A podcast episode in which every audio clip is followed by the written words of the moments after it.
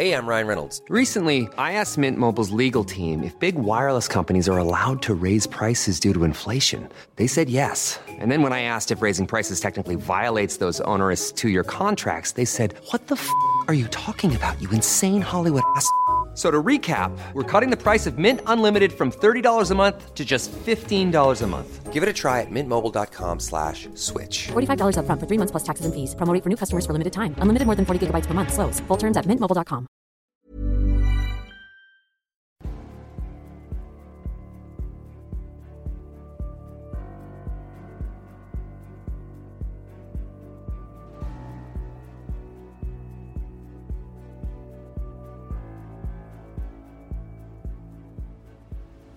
Du lyssnar på podcasten Samtal, en podcast med fokus på fria samtal. Jag heter Jannik Svensson och jag vill bjuda in dig till vår samtalsgrupp på Facebook. Länk till den hittar du på hemsidan www.samtal.ax. Jag blir också superglad om du vill vara med och hjälpa att stödja det här projektet. Det kan du göra på www.patreon.com samtal eller genom att swisha mig på nummer 070-3522 472. Länkar och nummer hittar du på hemsidan www.samtal.ax. Jag släpper nya samtal varje onsdag året runt och tar tacksamt emot tips ifall det finns någon du vill höra i podden. Idén bakom podden är att fokusera på fria samtal. Vi tror att öppenhet är grunden för det demokratiska samtalet och vill uppmuntra dig som lyssnar att exponera dig för samtal med någon du inte håller med om. Jag heter Jannik Svensson och du lyssnar på podcasten Samtal. Anders Hesselbom är skeptiker, debattör och religionskritiker. Han har tidigare varit med och drivit Skeptikerpodden och Radio Howdy och numera Stulet Gods. Han föreläser också om ateism samt är verksam inom förbundet Humanisterna. Välkommen hit, Anders Hesselbom. Tack så mycket, jätteroligt att vara här.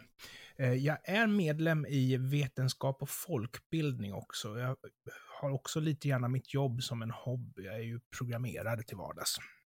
Mm. Jag tänkte det blev så långt att skriva vetenskap och folkbildning så jag satt och försökte få ihop en flytande text. Och sen tänkte jag voff, men sen tänkte jag att nej, vi Det vet inte folk vad det är. Ja, det, jag, jag vet vad det är i och med att jag är med i den här gruppen där folk är, det är kanske Sveriges mest anala Facebookgrupp. Ja, jag får ju tyvärr inte vara med där. Jag har blivit avstängd på grund av att jag sprider dålig stämning, tyvärr. Jaha, för att du är så anal? Nej, för att jag förmodligen inte är det, antar jag.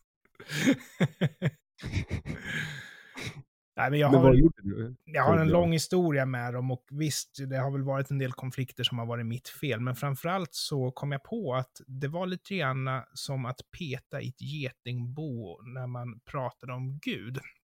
Och jag brukar prata om att skillnaden mellan humanisterna och vetenskap och folkbildning är att båda anser att man ska ha en skeptisk eh, hållning till sin omvärld baserad på vetenskap. Men jag anser att VOFT, eller vetenskap och folkbildning, lite grann är av en akademikerklubb. De tycker att man ska vara skeptisk mellan 8 och 5. Därför att många av deras medlemmar tror ju helt enkelt på Gud. Och då blir det lite konstigt när man applicerar samma skepticism som man applicerar på kanske medicin. Applicerar man den på universum så, så blir det lite konstigt. Då, då liksom stöter man ju bort ganska många medlemmar. Inom humanisterna så törs jag nog säga att jag skulle gissa på att i princip alla medlemmar i humanisterna ändå är ateister i alla fall. Så det finns liksom ingen hotbild där att prata religion. Mm. Och vi ska komma till det sen. Först, för, för nu tycker jag bara det är så spännande att ta upp den här religionskritiken, för att det är väl det Mm. som utmärker dig mest. Du är typ, du hatar på religion, det är typ din grej. Ja, det skulle jag säga. Och det finns ju två aspekter. Den ena är sanningsanspråken som religion gör. Och det är ju egentligen det som är den stora frågan. För där kommer ju den filosofiska sidan fram. Att, ja men, finns Gud, finns inte Gud, hur vet vi, vad vet vi? Och där kan jag stanna precis hur länge som helst. Det andra, det är ju den samhälleliga aspekten. Det är lite aktuellt nu med Black Lives Matter och det här man pratar om strukturell rasism. Och eh, när jag tittar efter så ser jag att ja, men, samhället diskriminerar inte mot icke-vita, vad jag kan se. Men å andra sidan, jag som säger det är en medelålders privilegierad vit man, så det vore väl rimligt att jag inte ser det. På samma sätt så ser inte kristna hur samhället diskriminerar mot icke-kristna eller icke-religiösa. trots att jag kan lista upp ganska många punkter där eh, religiösa eller troende har privilegier som naturalister och ateister saknar. Så jag tror att det finns en viss hemmablindhet här och ofta blir de ganska yrvakna när man tar upp de här grejerna och ofta får man ju höra då att ja, men det där är ju små saker. Alla, och det är klart, varje individuell sak är kanske en småsak, men summerat så, så är det liksom värt att ta upp det. Och vi hade ju ambitionen i Sverige att vi skulle vara ett sekulärt land. Så jag tycker att det är roligt att diskutera. Men det är den filosofiska biten, alltså vad kan vi säga om universums beskaffenhet, om gudars existens? Det är den som jag, jag verkligen brinner för och tycker är rolig. Mm. Mitt stora problem med religion är att jag aldrig har stött på en religion som inte förespråkar konformism. Och, och, och, det tycker jag att är, alltså altruism och konformism, de två sakerna är inbakade i princip alla religioner. Och sen har vi också den här delen, det finns en jätterolig meme mm. eh, som, som jag tycker om. Det är en bild på Jesus som står och håller ut händerna. Det är för övrigt Jesus så som han avbildas av den åländske eh, tecknaren Haddon Sundblom från mm. Fögle, som, som ritar den här jättekända Jesusbilden. Uh, och, och, sen han ritar också Coca-Cola-tomten. Nu har jag klämt in all reklam för Åland för dagen, förutom min åländska direkt. Men han står i alla fall då Jesus med händerna ut, som Jesus gör, och så står det I'm going to create man and woman with original sin. Then I'm going to impregnate a woman with myself as her child so that I can be born. Once alive, I will kill myself as a sacrifice to myself to save you from the sin I originally condemned in you to. Tada! Och vi har ju inte, du och jag, någon speciellt jättelång relation tillsammans. Det var när du kontaktade mig så började vi följa varandra på sociala medier. Och eh, jag reagerade på att du skrev på Twitter att det skulle vara konstigt att ha en antropo... Vad, vad heter det? Religionen som Tom Cruise har.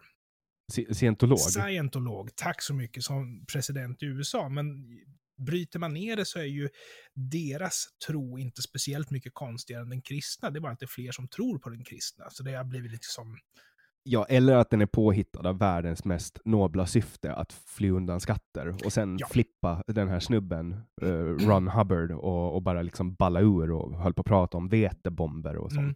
Det finns ju en poäng med att religionen ska vara konstig, det är för att ingen ska säga att det är någonting annat än en religion. För kristendomen, om man skulle ställa den, alltså skulle man uppfinna kristendomen idag, så skulle man ju inte hitta på den fullt så galen som den ändå är. Och jag vet att det finns många troende som där griper efter halmstrån och säger att ja, men Jesus måste ju ha funnits. Det är ju nästan alla historiker överens om. Ja, men hur hjälper, du, hur hjälper det dig? Om Jesus har funnits så var han ju per definition inte född av en jungfru eller Guds son eller något sånt där. Därför att det ligger liksom inte i det här med att finnas natur att man är det. Så fanns Jesus så var han ju en vanlig människa och kristendomen bygger på att han var övernaturlig. Mm. Han måste ju ha varit en jävligt bra talare dock, och, ja. och, jävligt bra på att lura folk att han kunna trippa på vatten och sånt. Förmodligen så har det ju fyllts på en hel del under årens gång. När man väl har skapat en personkult så kommer ju berättelserna om den här personen som kulten kretsar kring att fyllas på vartefter. Och eh, Bibeln har ju inte varit konstant. Man har ju tagit bort texter som man tycker är lite genanta och man har fyllt på med texter som innehåller viktiga budskap som kanske reflekterar dåtidens eh, liksom, bästa tänkbara moral. Jesus lär ju inte ha sagt den gyllene regeln, den lär ju vara ganska sentida och med dagens mått mätt så är ju inte det den yttersta, liksom, bästa tänkbara filosofin. Nej, det finns många bättre jag skulle kunna tänka mig. Eh, sen finns ju också det här att man har plockat bort Maria Magdalena, för de hade ju tydligen både ett kärleksförhållande och ett sexuellt förhållande, om jag är rätt underrättad. Ja, och sen så berättelserna om Jesus som barn är ju också borta. Jag undrar om det var Thomas evangeliet eller något sånt där jag är inte jätteduktig på eh, bibliska historien, men man har helt klart liksom rensat upp sånt som är lite genant och fyllt på sånt som ska ge styrka. Men sen ska man också komma ihåg, anledningen till att jag tror att berättelserna om Jesus har fyllts på under resans gång var ju också att eh, vi hade ju liksom inte journalistik på det sättet som vi har idag för 2000 år sedan. Man 1500 höll väl inte ens på att skriva saker, man hade väl typ pergament Mm. i, i Egypten, men i övrigt så var det ju vandringssegen. Ja, och många av de här berättelserna syftade egentligen inte till att skildra historiska händelser, utan de skildrade, eller förlåt mig, de syftade till att man skulle eh, sälja in ett budskap. Och var det någon person som skulle vara mäktig och ha liksom kraft och, och ha betydelse, då fanns det vissa standardgrejer som man kunde tilldela den här personen. Till exempel att han var född av en jungfru. Genghis khan är också född av en jungfru. Och Ja, det är ju dessutom- hjältemyten ja, är personen dessutom magisk och kan gå på vatten så är det bonuspoäng. Därför att det ger legitimitet. Om det skulle vara att en vanlig bonddräng som hade sagt de här sakerna som Jesus hade sagt, då hade inte det varit värt lika mycket. Men kan killen gå på vatten och säga de här sakerna, då måste det ju vara sant. Medan idag så resonerar vi precis tvärtom, att ju mer fantastisk en berättelse är, desto mer skeptiska till eh, dess innehåll är vi, desto mer eh, beviskrav ställer vi ju som läsare. Vi drar ju öronen åt oss om någon idag skulle säga jo, men åklagaren hävdar att eh, den åtalade är skyldig och förresten kan åklagaren gå på vatten. Det blir bara löjligt liksom. Mm. Jag, jag, ty- jag, jag tycker att det finns många saker med religion som man kan... Jag, jag, alltså, så här, jag, jag har en viss sida av mig som bejakar andlighet av egoistiska skäl. Och det är just den att det är... Eh, dels är det empiriskt, eh, men också självupplevt och eh, bevisat eh, på andra sätt att pe- personer som har en tro lider mindre av ångest. Mm. Och jag har haft väldigt mycket problem med ångest och när jag väljer att tro blint eh, på någonting så hjälper det mig väldigt mycket i vardagen. Mm.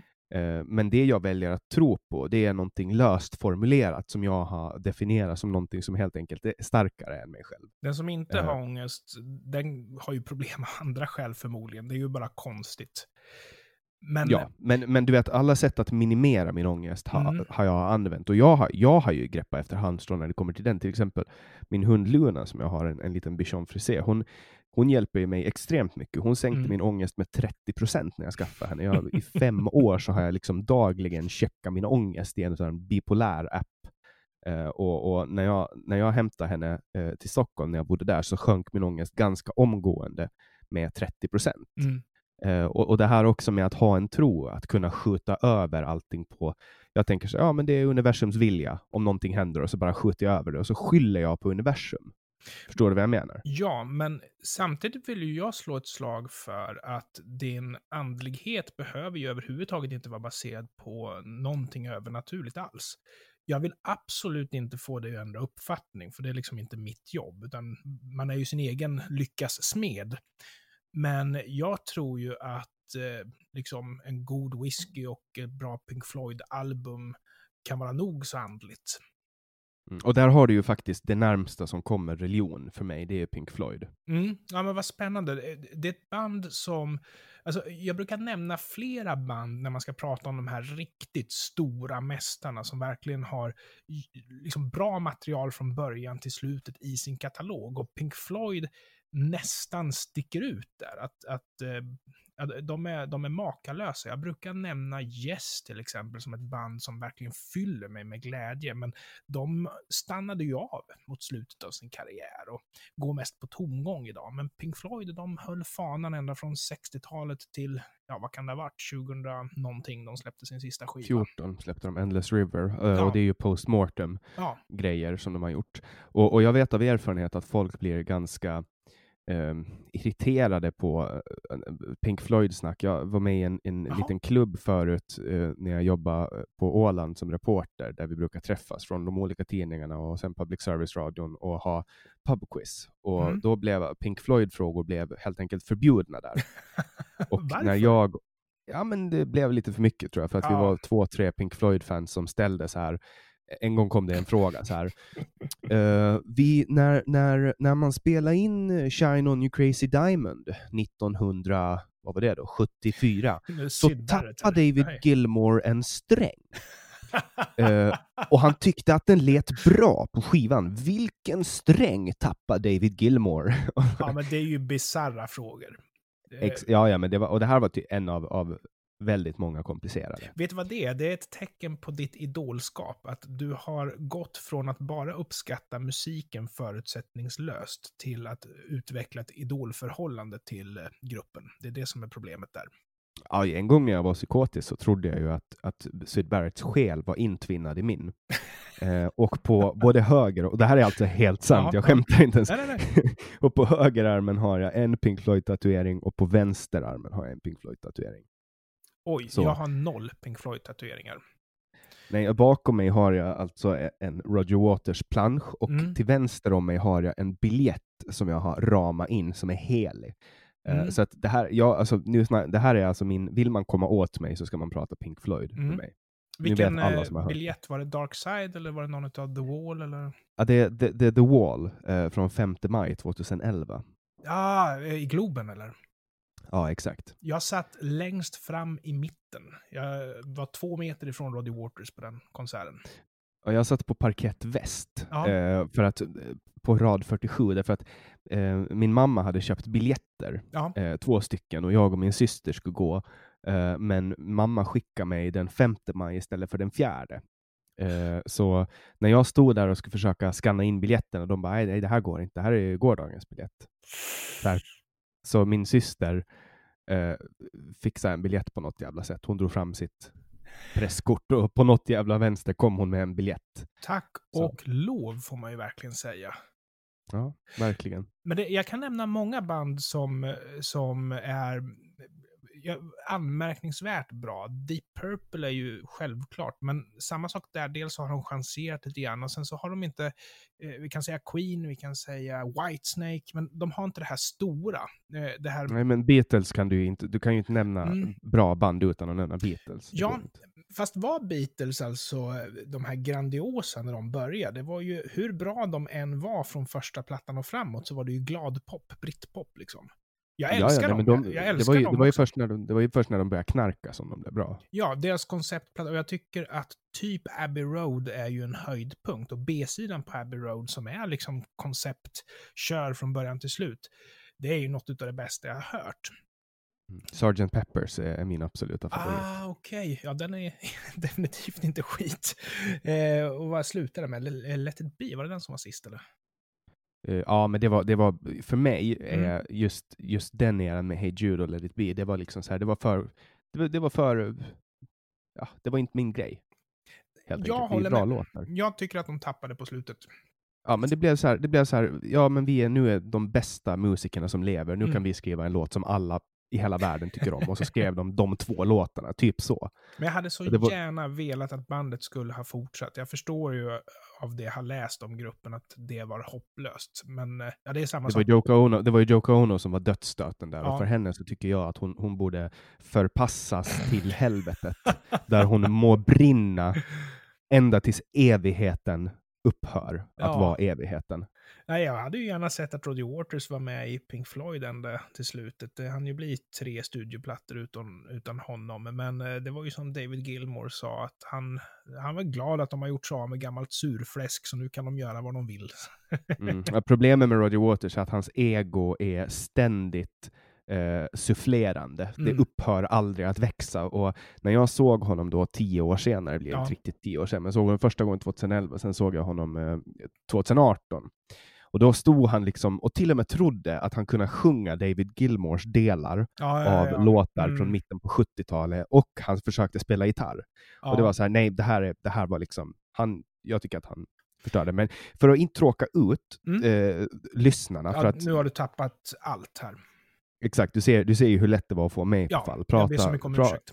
Nej, nej, det är mitt fel. Alltså, det är jag som går in i det här för mycket. Men, men eh, det här är någonting jag kan prata om hur länge som helst. Men för att komma tillbaks till, till eh, första spåret.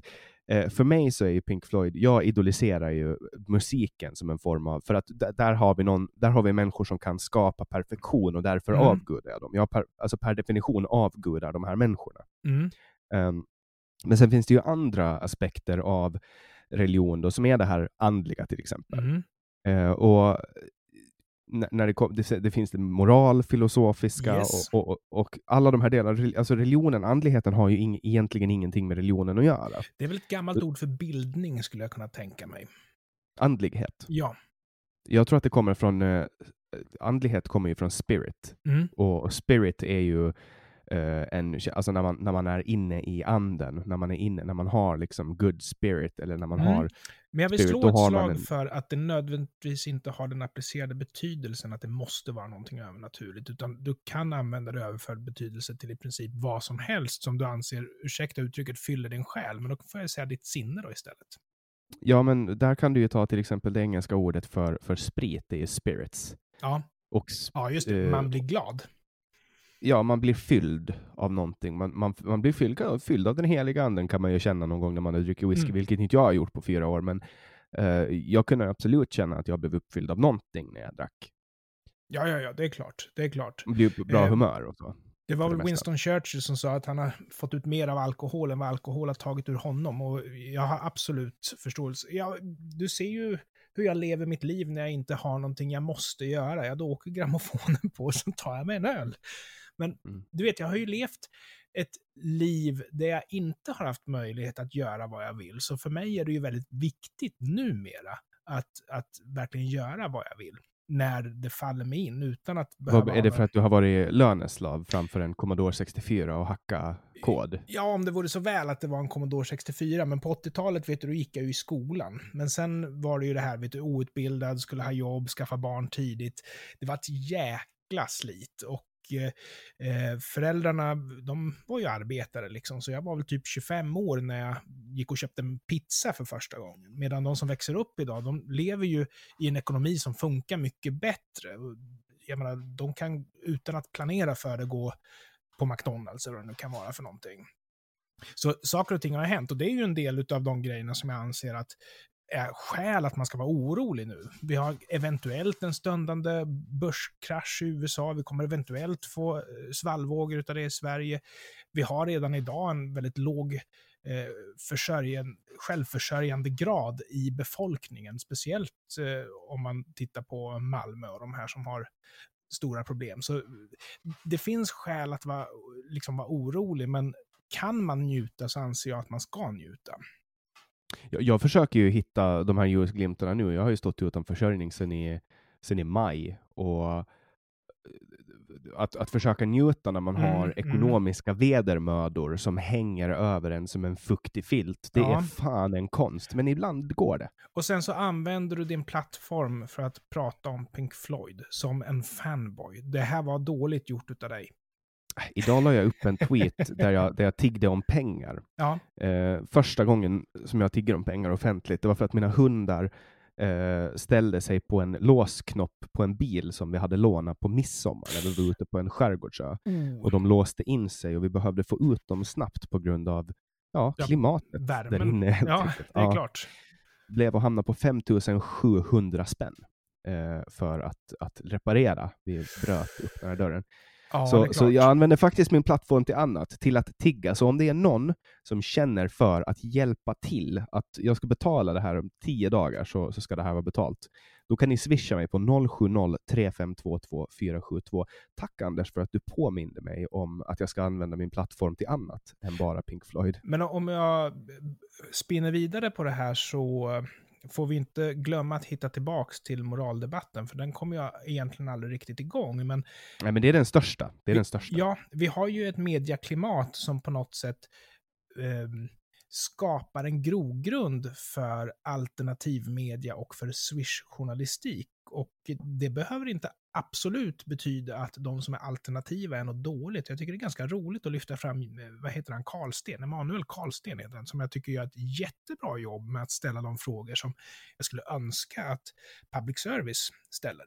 Men problemet med vårt medieklimat med eh, att det är så mycket blöta filtar över de svåra ämnena är ju att vi också har vad ska jag säga, alternativmedia som inte är skitbra. Både kristna organisationer och eh, ja, vad ska man säga, ytterhögern får man väl säga, är ju duktiga på att exploatera det där.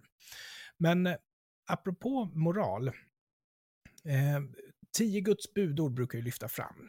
Ja, men religion, de bidrar till att människan vet vad som är rätt eller fel. Mm, Ja, Nu ställer jag en fråga till så- dig. det, ja, nej, men man kan ju argumentera för det, men jag håller Mm. ju inte med. Jag tror att det där sitter, alltså om man inte är fullständigt um, flippad så sitter det där ganska djupt inpräntat i människan. Mm. Men Alltså om vi tar budorden till exempel, alltså, eh, det, är ju ganska, det är ju ganska rimliga saker. Det är så här, ja, du, du ska tro på Gud, du ska bara tro på en Gud. Eh, du ska vila en dag i veckan, du ska respektera de äldre, du ska inte mörda, du ska inte knulla andras fruar. Du ska inte ha några andra gudar jämte mig eh, och, och allt det där. Helga sabbaten. Visst, men är inte de ytterligare ett bevis för att eh, religionen hänger upp sig på folks moral för att själv skaffa sig legitimitet? Därför att det är ju precis vad du sa. Jag försökte provocera fram det här och, och det funkar ju. Precis som du sa, man hade förstått att man inte ska mörda för blotta nöjets skull ändå. Och Ja. att säga någonting som är uppenbart sant tillsammans med någonting som man vill ska vara sant, nämligen eh, jag är den enda guden och allt vad det nu är för någonting, så ger man sig, sig själv legitimitet. Och det enda som religion har att komma med när det gäller moral, det är ju att styra svagsinta själar. Det är allt. Vi har, annars moral, vi har annars moralfilosofi om det är så att det skulle vara relevant att komma med några nya visdomar när det gäller moral. Mm. Ja, och sen finns det ju också till exempel moral där att man, man icke ska ha begär till din nästas slav.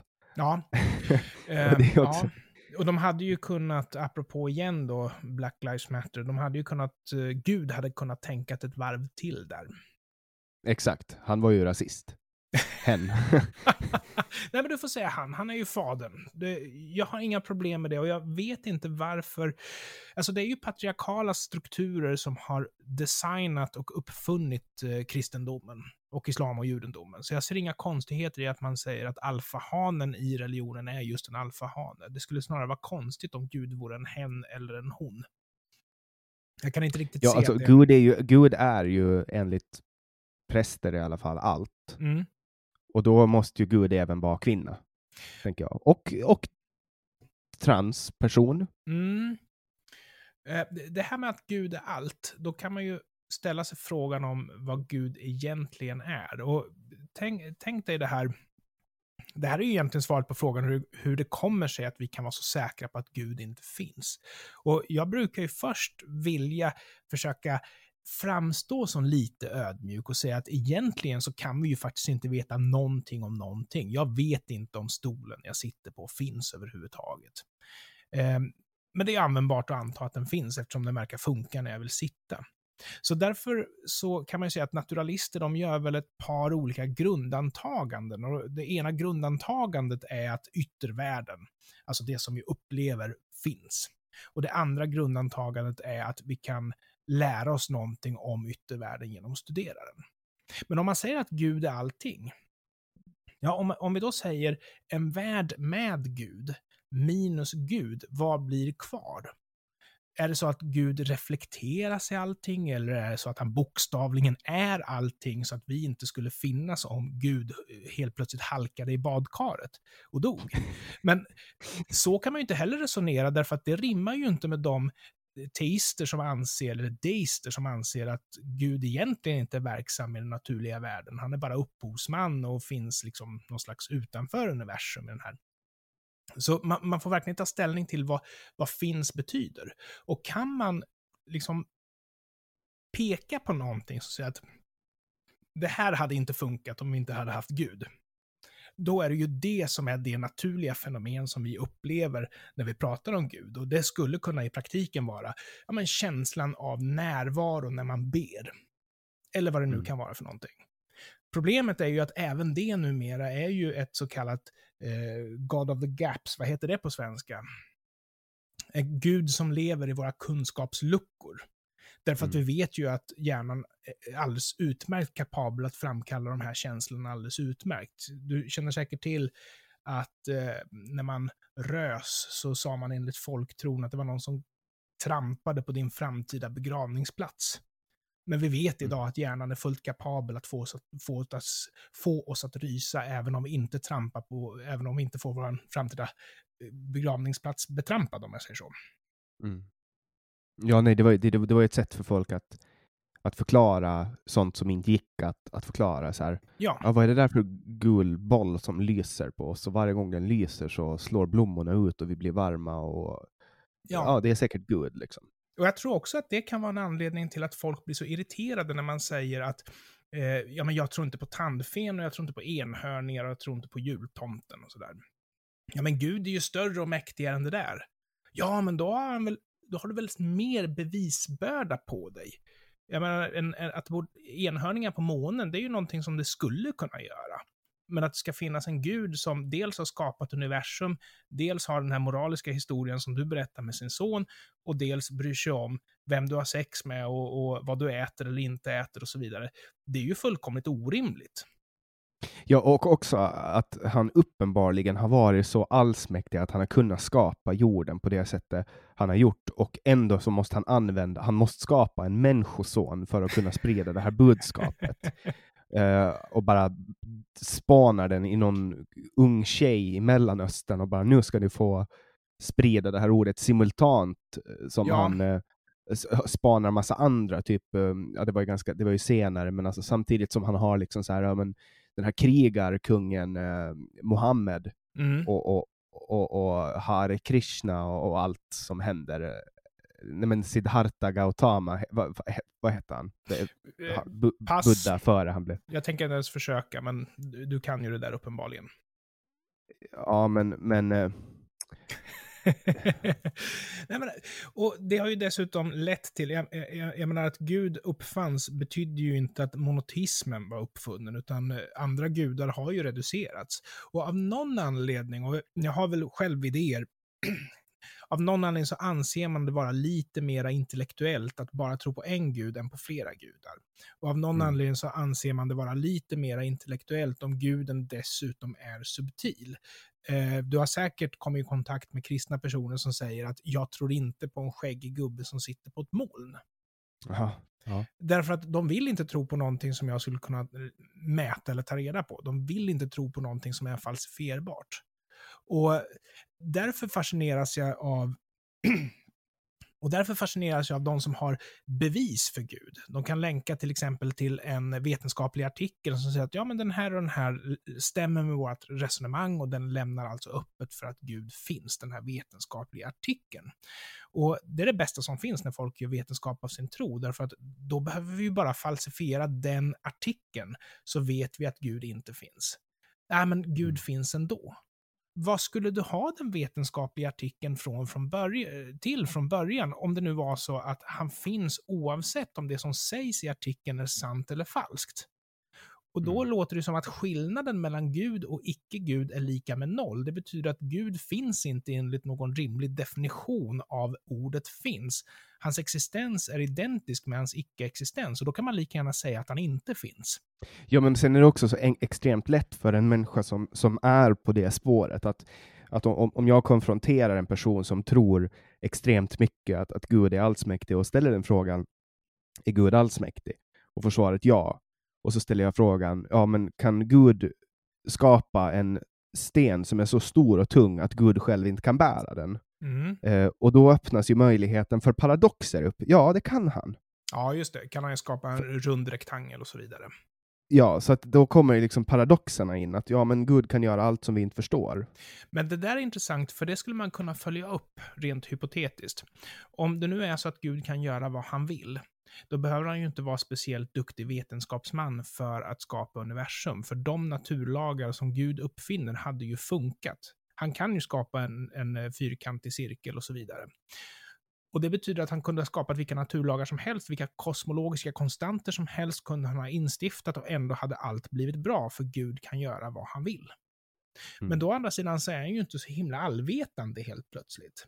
Vänder man på steken och säger att ja, men Gud måste vara den mest allvetande som finns, därför att han visste exakt vad som krävdes för att skapa exakt det här universat som vi lever i just nu.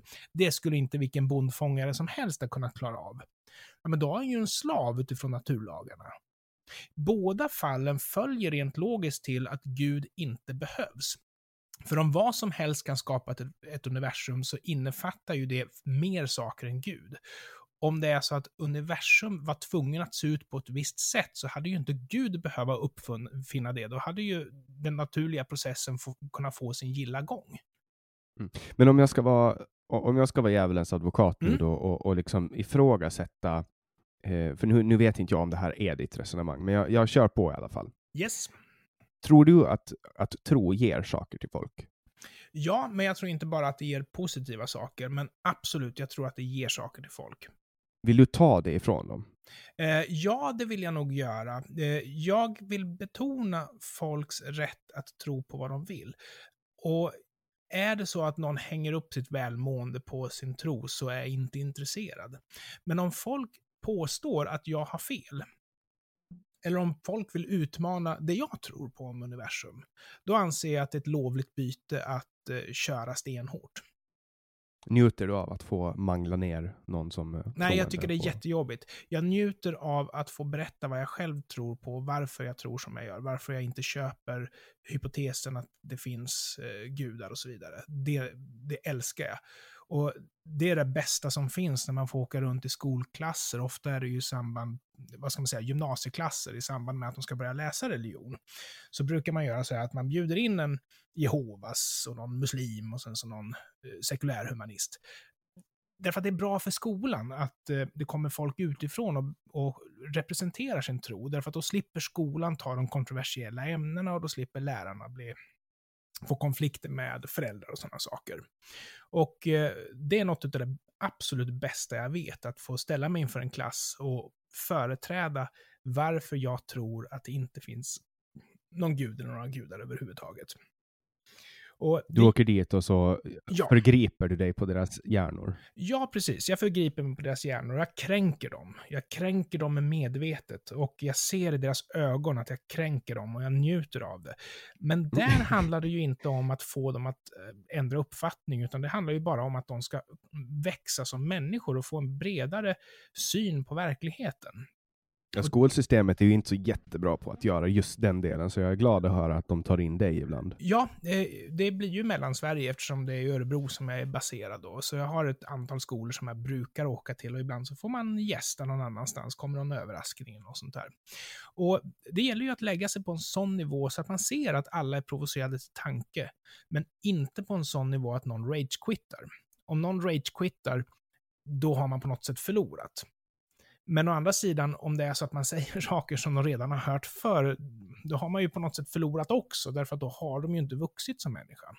Och i och med att jag gör det här i humanisternas regi så måste jag ju lägga lite tid i början på att berätta vad humanisterna är och vad vi jobbar med, vad vi har för verksamhet och eh, vad vår roll är och så vidare. Men sen är Alltså, det... när jag tänker på humanist, då tänker jag på typ eh, Refugees Welcome Ja, och sådana organisationer. Eh, det där är inte helt självklart att det är samma sak, därför att det, det finns ingen naturlag som säger att en specifik flyktingpolitik är den mest humanistiska. För att de går väl under, de, de kallar väl sig själva de kallas- humanister? Yes, yes. Jag skulle kunna tänka mig att kalla satanisterna för humanister också, med tanke på hur de resonerar. Men jag skulle snarare säga att våran fokus inom organisationen är alla envars tankefrihet, yttrandefrihet, religionsfrihet, åsiktsfrihet. Att det ska vara konsekvensfritt att tala från hjärtat, att följa, si, följa sitt resonemang fullt ut, att ha de åsikter man vill ha. Man ska inte behöva vara rädd för att förlora jobbet om det är så att man röstar på fel parti. Man ska inte vara rädd för att hålla inne med åsikter när åsikterna efterfrågas för att få konsekvenser. Jag, jag menar, yttrandefrihet är ju möjligheten att kunna tala utan hänsyn till konsekvenser. Så därför så finns det flera personer som konkurrerar om ordet. Och när vi ändå är inne på det så kan jag ju säga att du har ju en, en bildningsform som heter eh, humanism. Och det är ju om du läser konst och kultur. Och som sagt, var och en, du har till och med kristen humanism. Eh, Men man kallar väl det humaniora? Ja, humaniora. Ja, absolut. Okej, men det är samma ord. För att särskilja, ja det är samma ord, men jag tänker att det särskiljer begreppen Ja, lite. Men det- min, min uppfattning av humanism, det var att det är en människa som Mm. du vet, pratar om solidaritet och, och Ja. medmänsklighet, OSV. Jag kan tycka att humanisterna och vetenskap och folkbildning bör vara på sin vakt så att inte ordet humanism kidnappas av en politisk inriktning.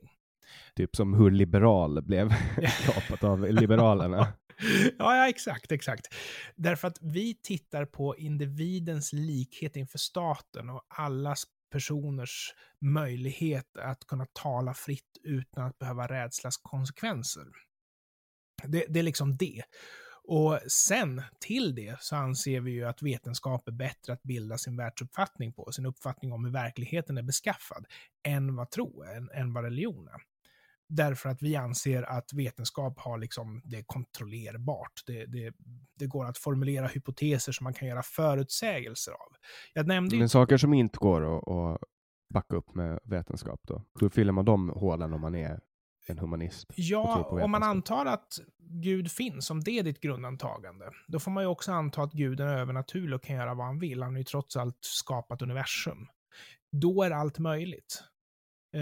Därför så, alltså den här diskussionen var ju väldigt mycket på ropet i början på 2000-talet när intelligent design var utklädd kreationism. Som man sa att ja, men nu har vi sminkat grisen här, så nu är skapelsetro minsann vetenskapligt. Vi kallar det för intelligent design. Vilka förutsägelser kan du göra från antagandet att Gud har skapat alla arter och att Gud kan skapa vilken art han vill? Absolut ingen. Som medicinsk, eh, kun, liksom, vad ska jag säga, medicinska slutsatser du kan dra ifrån det är noll. Antar du däremot att evolutionsteorin är korrekt, då finns det ju väldigt mycket inom smittspridning, inom vaccination som du kan härleda ifrån det. Så det, det gör liksom inga... Antagandet att vi har en magisk spelare på spelplanen raserar vår möjlighet att dra några slutsatser om eh, verkligheten överhuvudtaget. Eh, jag, jag, tänker på saker, det finns ju till exempel The Double Slit Experiment. Känner du till det? Nej, berätta.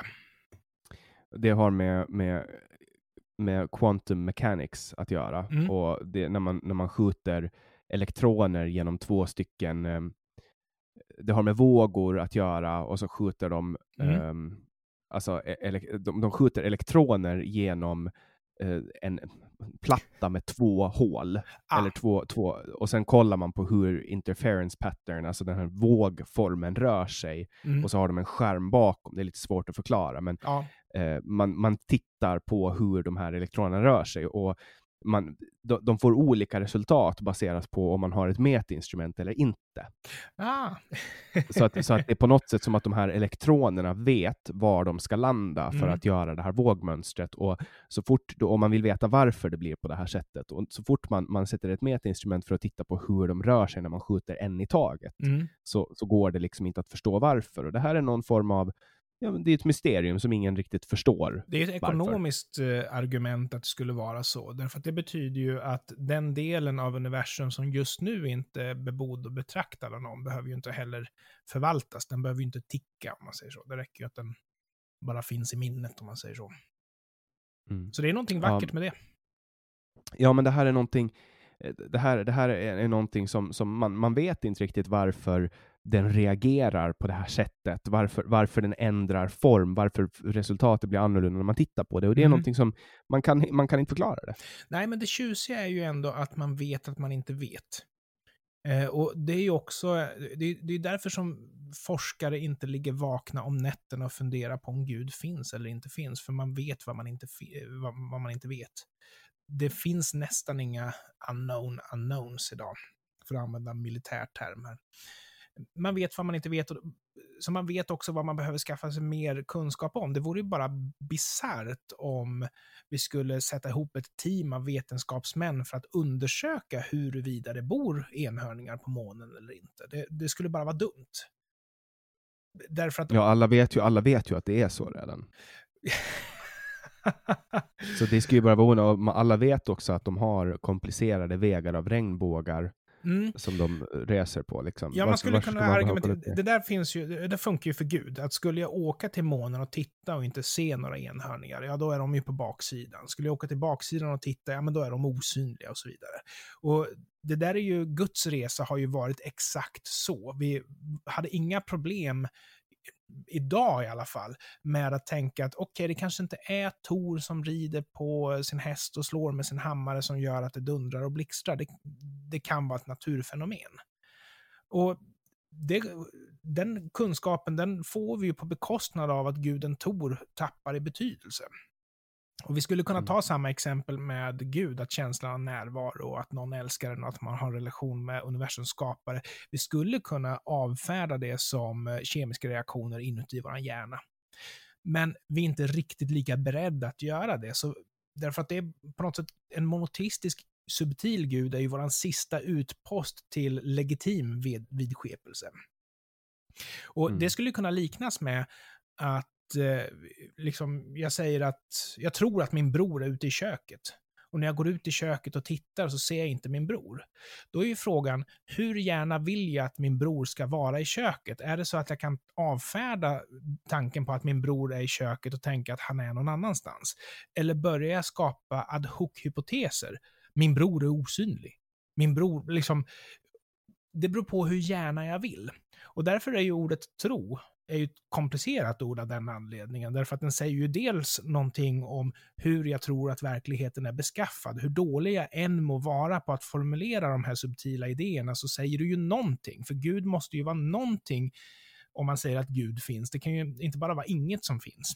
Gud är kärlek, whatever. Ja, kärlek är ju också kärlek, så då, då hade det räckt där. Medan å andra sidan så är det ju en förhoppning. Anledningen till att vi är så partiska mot sånt som talar för Guds existens beror ju på att vi har så pass många människor som hoppas att Gud finns. Men sen så har Ja, ju... och sen också att vi har blivit fostrade i det. Alltså jag Ja, kommer ja. ihåg när jag gick i lågstadiet, vi läste ju barnens bibel, Ja. och jag kommer ihåg när jag satt och ritade någon jag kommer ihåg när jag satt och ritade någon bild när det var någon slav, alltså någon slavdrivare som höll på att piska någon judisk slav framför en pyramid och så bara tänkte jag, är det här rimligt? Det var liksom berättelsen om Moses och, och, och det här. Och så bara tänkte jag så här, är det här faktiskt rimligt? Mm, Vad, vad mm. är det här liksom? Och så kommer jag ihåg när vi satt och målade påskägg på dagiset Ja, och, och jag frågade varför gör vi det här? Och då var det så, ja men du vet, Jesus blev korsfäst och så här, men varför korsfäste de Jesus? Ja men han, eh, hade, han, eh, de ansåg att han inte, och ja varför det? Och sen bara, ja, sen återstod, återuppstod han. Hur kan man återuppstå? Kan min farmors mamma också återuppstå? Alltså Mm. sådana grejer. Och du vet, det går ju inte att få ihop det. Alltså, för att det där, eh, Bibeln följer ju heller ingen logik som en barn berättelse gör, du vet att åh, det är en prinsessa som en blir kidnappad av, av en drake och så kommer det en prins och räddar. Det är liksom, det är bara så här, det är bara skitkonstigt. Det är så, ja han dog och sen liksom återuppstod han och sen kom han, alltså Men vad glad jag blir att höra att du läste Barnens Bibel. Du måste väl vara ganska så mycket yngre än vad jag är, va? Är jag, är jag, trampar jag på ömma tår nu kanske? Jaha, nej, jag har inga problem att prata om att jag är 26. Jag är född 94. Eh, och vi hade barnens bibel i skolan. Ja, för jag tänker att de flesta som läste den i skolan är betydligt äldre. Jag gick ju på kommunal skola i lågstadiet och då var det psalmsång med tramporgel på morgonen och sen så var det bordsbön innan man fick äta och sådär.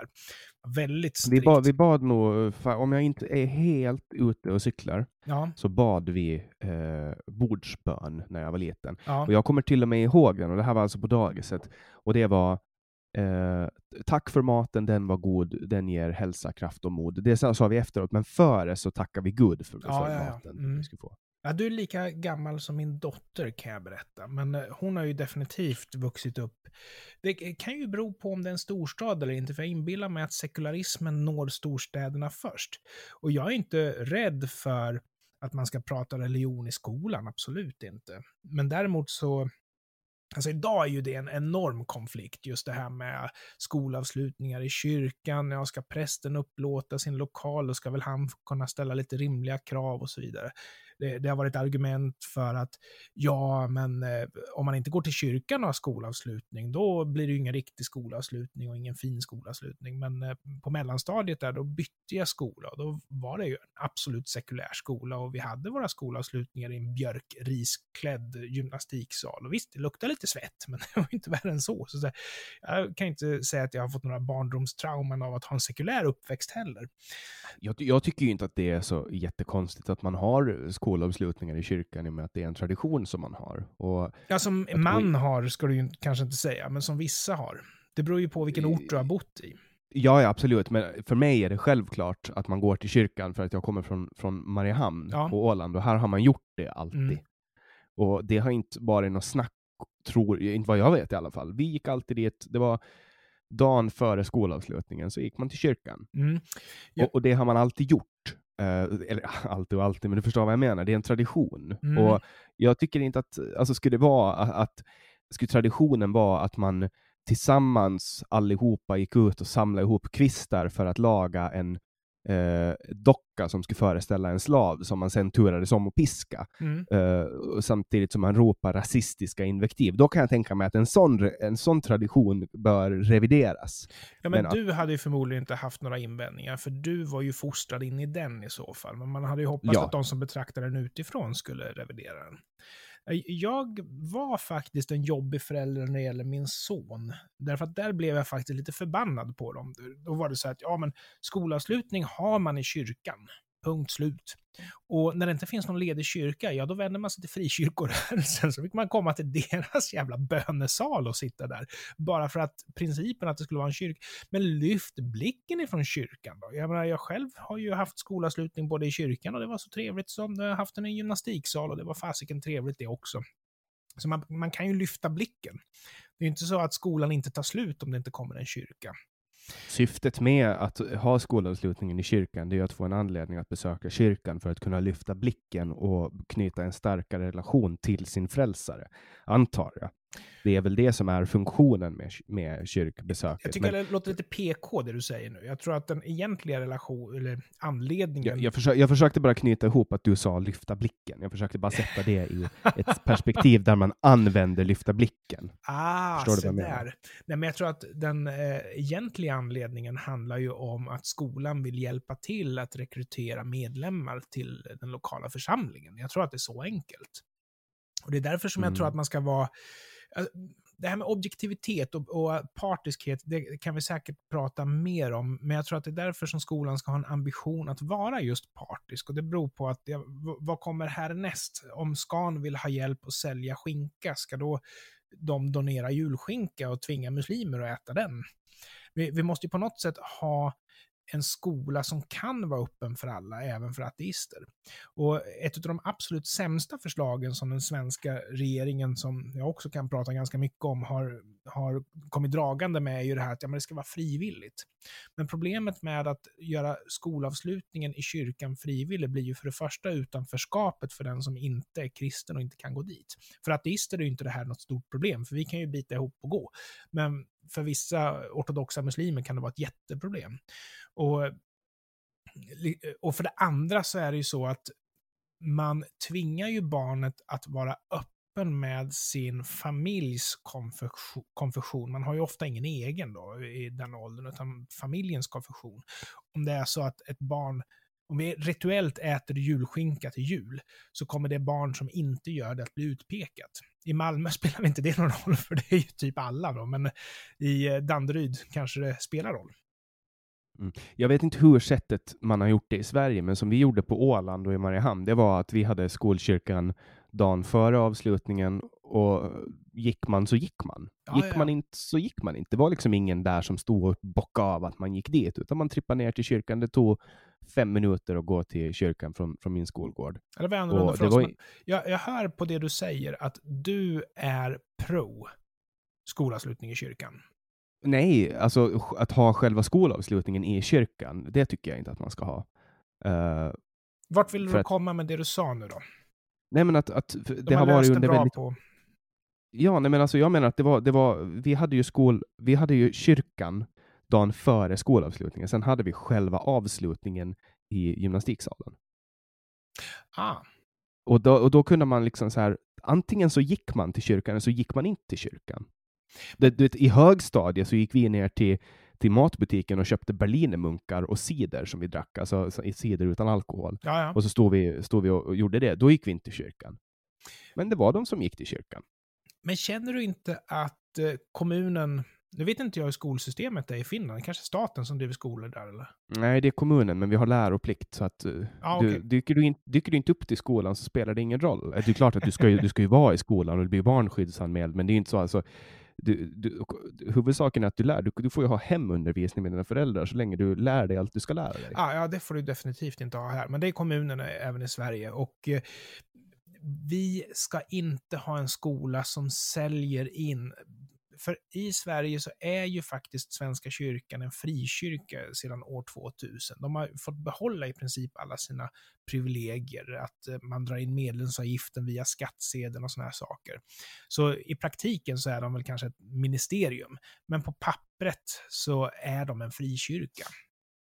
Och det innebär att vi ska inte ha, skolorna ska inte sälja abonnemang åt ett privat företag.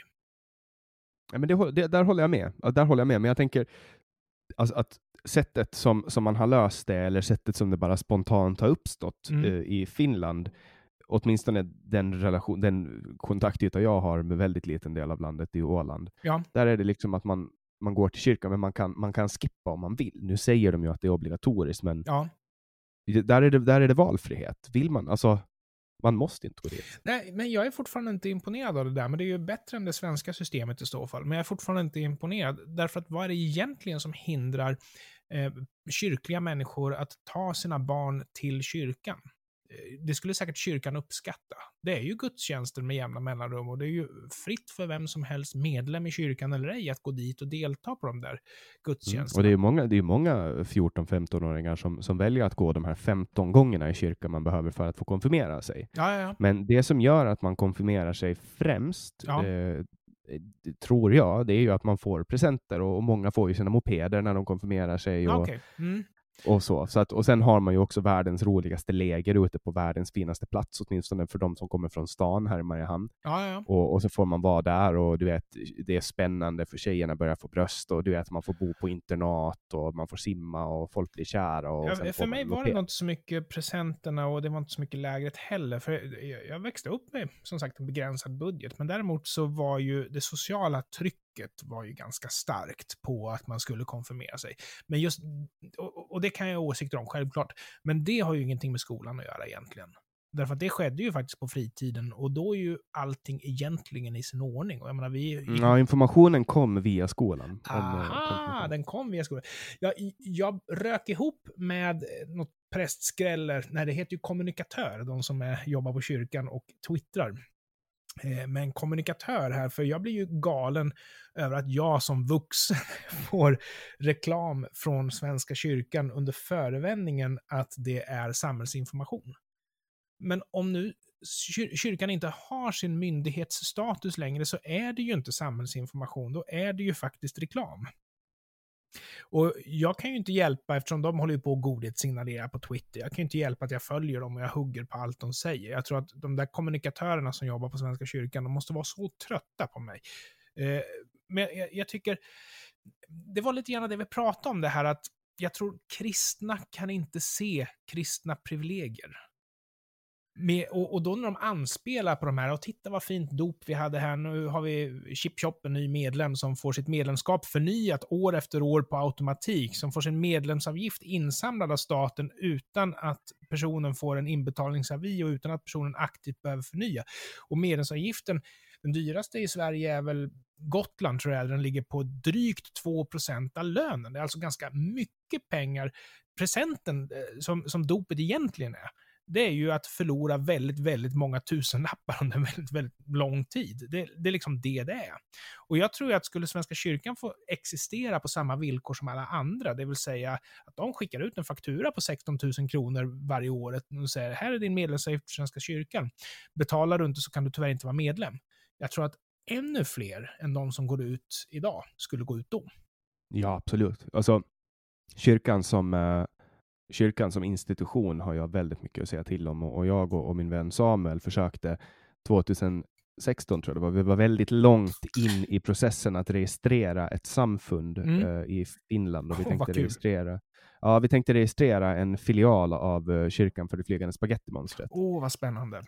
Mm, och vi var med i en radiointervju eh, och det gick lite fel faktiskt. Folk, förstod inte, ja, men folk förstod inte att det var satir. Uh, och sen, du vet, när man, när man gör sådana stunt och, och har en historik av psykisk ohälsa, då tror, då tror ju folk per automatik att man är inne i en period och att det inte är ett ett eh, stunt. Så att det gick faktiskt lite fel där. Men... Jag ber om ursäkt för min galghumor, men jag tycker det... Nej, men jag, jag, jag bjuder på den. Jag skulle inte, om inte jag var okej okay med att prata om, om, om det så skulle jag inte göra det. det. Det finns berättelser som jag tyvärr på grund av sekretess inte kan ta i en podcast, men det finns så mycket berättelser om spagettimonstret även i Sverige eftersom det klättrar upp i myndighetsvärlden det också. Men det, det, är ju en väldigt god sak det här med spagettimonstret, i och med att det visar hur absurt det är att göra så som till exempel Sverige har gjort. Vi har ju en historia av att du måste vara kristen och kyrkan en maktfaktor. Till det mm. att vi vill ha religionsfrihet. Men vill vi ha religionsfrihet och ska tillåta religioner på lika villkor, då när man bryter ner hur galet det är genom att helt enkelt hitta på en religion bara för att den ska vara knäpp och konstig så som eh, Flygande Spagettimonstret är. Den är ju skapad som en parodi.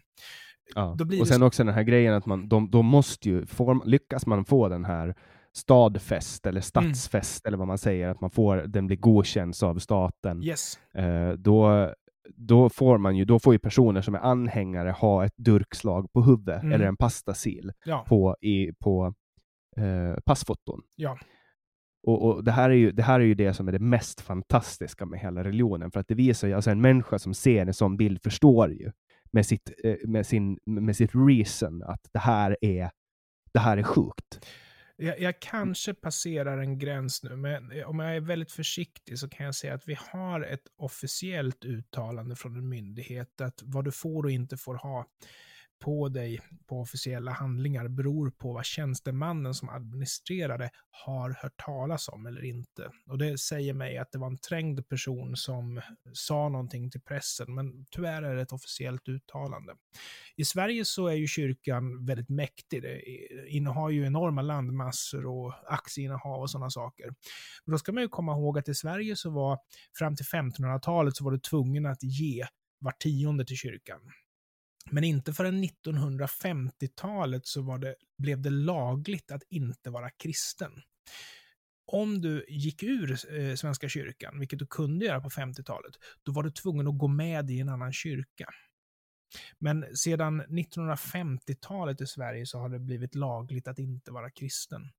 Och då lever vi så alltså... det, var, det var olagligt att vara homosexuell längre än vad det var att inte vara kristen? Nej, det, det har aldrig varit olagligt vad jag känner till. Inte modern tid i alla fall. Men däremot så blev det, de tog väl bort sjukdomsklassningen på det 1979 eller någonstans där. Så, ja, alltså, jag tror nog fan att det har varit olagligt att vara homosexuell Ja, säkerligen, men inte i modern tid vad jag vet. Men, men som sagt, jag vet ju definitivt alltså, inte Sture, alls. Sture Bergvall blev ju behandlad för mm. homosexualitet mm. på 60-talet. Ja, men det var ju för Så sjukdomsstatusen skulle jag kunna tänka mig. Och jag vet ju också att vi hade ju Ebbe Carlsson-affären i Sverige i kölvattnet av mordet på Olof Palme. Och eh, han bedrev ju privat spaning och eh, allting gick inte rätt till där. Och Sveriges Television på nyheterna när de presenterade Ebbe Carlsson-affären sa i inslaget Ebbe Carlsson är homosexuell som alltså för att eh, dra ner värdet av hans person. Så även public service-media i Sverige har ju liksom rackat ner på homosexualitet, eller använt det för att racka ner på en person, skulle jag säga. Så det där är ganska nytt. Men vi befinner oss i alla fall i ett läge där Svenska kyrkan har de här stora tillgångarna som jag anser mer eller mindre stulna från folket. Jag tycker ju dels att Svenska kyrkan och staten ska gå skilda vägar helt och fullt, att de får samla in sin egen medlemsavgift. Men dels så tycker jag faktiskt att man skulle ju egentligen ta och lösa upp stora delar av organisationen och betala tillbaks tillgångar till folket som de faktiskt har stulit ifrån. Därför att deras gud är ju mammon, eller makten skulle jag säga. Det är väl makten som de är på jakt efter. De vill vara en röst i samhället. De vill vara en myndighet. Och de får ju förekomma på sådana här ställen som liksom, universitetspräst, jourhavande präst och sådana här saker. De får ju ha samhällsfunktioner. Och de kan ju ha det, för de har ju så pass mycket pengar som kan avlöna folk till att vara jourhavande präst och universitetspräst. Vi humanisterna är ju säkert varmt välkomna att vara jourhavande medmänniska eller universitetshumanist. Men vem ska sitta där när alla som är engagerade i humanisterna har ett heltidsjobb för att kunna betala hyran liksom? Mm. Jag kollar för övrigt upp det här med eh, homosexualitetens olaglighet. Ja, Homosexuella handlingar var olagliga fram till 1944 i Sverige. Tack så mycket. Det där är inte en historia som jag kan, så det var bra att lyssnarna fick höra det. Mm. Så att det var eh, handlingar. Jag kan, jag kan, tänka mig att det inte var olagligt att gå runt och vara homosexuell, men att, att mm. ta på någon annans snopp om man själv hade en snopp. Där gick gränsen. Men då kan man ju säga samma sak om kristendomen också, att det var säkert olagligt eller förlåt mig, det var olagligt att inte betala medlemskap till en kyrka, men ingen kunde åtala dig om du i hemlighet var ateist till exempel. Mm, det är som tankebrott till exempel. Ja, tankebrott är ju en grej inom religionen, för Gud kan ju straffa dig för dina tankar. Och eh, han kan ju dessutom, alltså du kan ju inte kontrollera dina tankar när du sover ens, men Gud kan straffa dig för sånt som du har haft en erotisk dröm om, om det är så att det inte behagar. Och skillnaden är ju att kyrkan kan du åtminstone dö ifrån, men Gud, han, alltså när du dör, det är ju då det roliga verkligen börjar. Då kommer ju Dantes inferno om du inte har skärpt dig liksom. Ja, men där vill man ju helst vara muslim eh, när man dör. Inte jag. Jag, jag skojar. Men vadå 40, 40 oskulder? Du, du, kommer, du, du dör kanske mm. på ett plågsamt sätt och så, och så kommer du till himlen och så har du 40 heta brudar som väntar på dig. Liksom. Min fru är en bra bit över 50, men jag brukar alltid säga till henne för att eh, Mia, när du blir 50, då ska jag skaffa mig två stycken 25-åringar. Och hennes reaktion på det var, ha, gör det du, det kommer du aldrig orka med.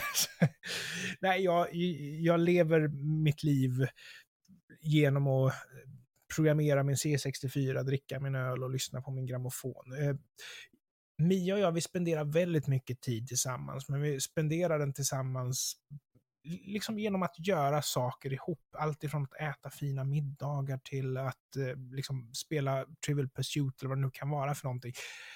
Det känns som att åldern tar ut sig rätt om jag ska vara ärlig.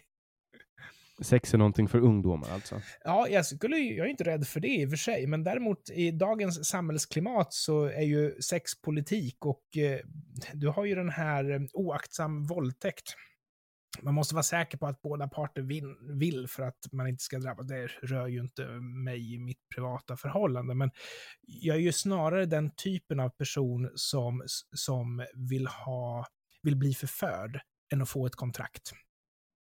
Frågan, ja. vill du ha sex med mig, är för mig väldigt avtändande. Ja, och det här är ju ett, det här är ju ett, ett legislativt, eh, eller en, en legislativ rockad som ska, alltså, som ska göra det lättare för åklagare ja. att, att lyckas ta vidare de här fallen. Uh, och, och, jag vet ju folk uh, som skulle ha, ja men kanske ha fått sin våldtäktsman dömd om det ska ja. ha funnits en sån här lagstiftning. Men samtidigt så säger ju lagen alltid att, att man ska inte kunna bli dömd om det inte är helt 100% bortom allt rimligt tvivel bevisat att man har gjort någonting. Nej, men mitt stora... och, och här ändrar man ju bevisbördan och det uppstår ju en, en stor juridisk konflikt. Men samtidigt så är ju det här, det är ju dagens sätt att lagstifta. Det är väl dessutom så att de som har köpt sex kan ju ha två stycken åtalspunkter mot sig, nämligen sexköp, ja, tre, människohandel och oaktsam våldtäkt. Mm, jag tror att de, de flesta blir ju plockade för eh, sexköp och så ja. får de böter på plats. Det blir ju aldrig någon rättegång kring de här grejerna för att de flesta erkänner. Men det som jag skulle vilja säga här, det är ju till exempel att Göteborgs universitet länkar till en sida som handlar om hur muslimer ska agera, vad muslimer tror. På svenska och allt. Och läser man under delen om muslimens förhållande till sin familj så står det i klartext där att kvinnan har inte rätt att säga nej till sex, utan när mannen vill ha sex, då ska kvinnan ställa upp på sex. Så jag tror att man är beredd att se mellan fingrarna om det finns religiösa skäl. Och jag tror det här också är någonting som har trollats i Sverige i alla fall, för vi hade ju kopimismen. Och kopimismen innebar att när eh, man jagade piratkopierare, de som eh, laddade hem film från Pirate Bay som bäst. Då eh, startade några killar en religion som heter kopimismen, där de trodde, rent religiöst, att informationen vill vara fri. Och kopimismen, till skillnad från eh, pastafari, pastafari och, och till skillnad från sekulärhumanismen, är en godkänd religion i Sverige. De trollade så pass hårt så att de rodde liksom i land. Så kopimister eh, står ju lite grann över upphovsrättslagen i Sverige. Ja, det är kanske det man, alltså skulle inte Spotify ha kommit så skulle jag kanske, kanske ha bytt religion till, till det. Det låter ju ganska rimligt. Ja, alltså, jag använder ju inte Spotify, utan jag köper ju fortfarande skivor, men jag tror att eh, datorspelsbranschen och musikbranschen har löst det här med att det ska vara tillgängligt digitalt till rimligt pris och, och det ska vara enkelt. Jag menar, backar man, säg tio år, kunde ju datorspel kosta 800 spänn lätt. Liksom. Men nu finns det Steam där du har eh, datorspel i alla tänkbara prisklasser. Du har Spotify där du har ett ganska stort musikutbud för en fast kostnad och så vidare. Men film har inte, det finns liksom ingen Spotify för filmen. Så jag tror att... Eh, det finns det ju visst ju, Netflix. Jo, men utbudet på Netflix är ganska blekt jämfört med utbudet på Spotify, eller på Pirate Ja, men Bay så kan du gå in på HBO, HBO, alltså du har ju liksom, det, det är om du vill se en specifik film, men jag brukar ju använda, när jag Mm. bodde i Sverige i alla fall, vilket jag snart gör igen för att jag ska studera, men då använde jag SF. Man kunde swisha 40 spänn och så fick man hyra en film i två dygn. Det är ju kalas. Ja, ja, det är så här, alltså för om det var en ny film som kom, alltså typ uh, sta- nya Star Wars-filmen kommer, och, och om man bor i Sverige där internetoperatörerna får skicka information till polisen om man laddar Ja. hem någonting, då är det ju mycket bättre att um, du hyra den. Ja, ja, självklart. Man ska ju göra rätt för sig. Det är ingen snack om, om, om den saken. Men eh, det är väl lite grann det som jag har saknat. Eh, Jag menar, när jag växte upp så hyrde man ju Moviebox och sen så filmen på VHS. Och eh, videobandspelare, det var ju överklassen som hade, så vi vanliga dödliga var ju tvungna att släpa hem en sån här jäkla Moviebox. Men det var inte dyrt alltså. Man, man la kanske en hundralapp i pant. Men sen så kostade hyran på Movieboxen kanske 25 kronor och hyran för VHS-kassetten med filmen man skulle titta var 25 kronor. Så var man fem personer som gick ihop och liksom sparade veckopengar så var ju det fullt görbart. Liksom. Nu är det naturligtvis mycket mer pengar i dagens mått mätt, så det, var, det kändes ju, men det var ändå ett rimligt pris. Så jag kan tänka mig att 40 spänn för att hyra en film på nätet, ja, det skulle inte jag ha några problem med, speciellt inte nu. Jag ska säga Nej, men att det jag är så omodern så Jag jag bruk- köper mina DVD fortfarande, så omodern är jag. Ja, jag, eh, jag brukar jämföra det här med, och det här, det här ligger mig faktiskt i lasten, alltså, för jag dricker ju ingen alkohol. Nej, sen fyra år Eh, sa du. Ja, och, och det är ett aktivt val. Eh, och det gör ju att jag väldigt lätt kan, ehm, alltså i, att, i och med att jag har en relation till att gå ut på krogen och, och vakna dagen efter och kolla på kontot och, och leda av grov ångest när man har så här, ja, igår gick det 3000 spänn. Och då är det så här, ja men, men är det en, en 40 kronor för att kolla på nya Ted Gärdestad-filmen? Ja, Är det så farligt? Det är ju en öl liksom, en Ja. billig öl. det är en väldigt eh, billig öl. Ja, Jag- och då är det så här, det är ganska lätt att du vet, använda det. Det gäller ju att jobba bort ångesten för att det har gått 3000 kronor. Det är ju det som är hemligheten. Ja, alltså jobba bort. Jag, jag tror ju inte på att, att det går att jobba bort ångest. För att själv upplevt i alla fall så, så finns det ett litet rum där ångesten kan vara. Ja, ja, Och ja. all ångest som man visar in i det rummet så kommer att ta sig ut genom porerna. Men vilken relation hade du med Ted Gärdestad-filmen då? För, om jag bara får säga lite kort, ja, jag tyckte inte filmen var jättebra. Men filmer som handlar om psykisk ohälsa kan jag inte se. Det går inte. Jag bryter ihop totalt. Därför att jag tror att filmen är gjord för folk som inte vet vad det är för någonting. Och, det, och sen, jag menar, hela min relation till Ted Gärdestad är ju helt pajko efter att jag såg den där filmen. Det går inte.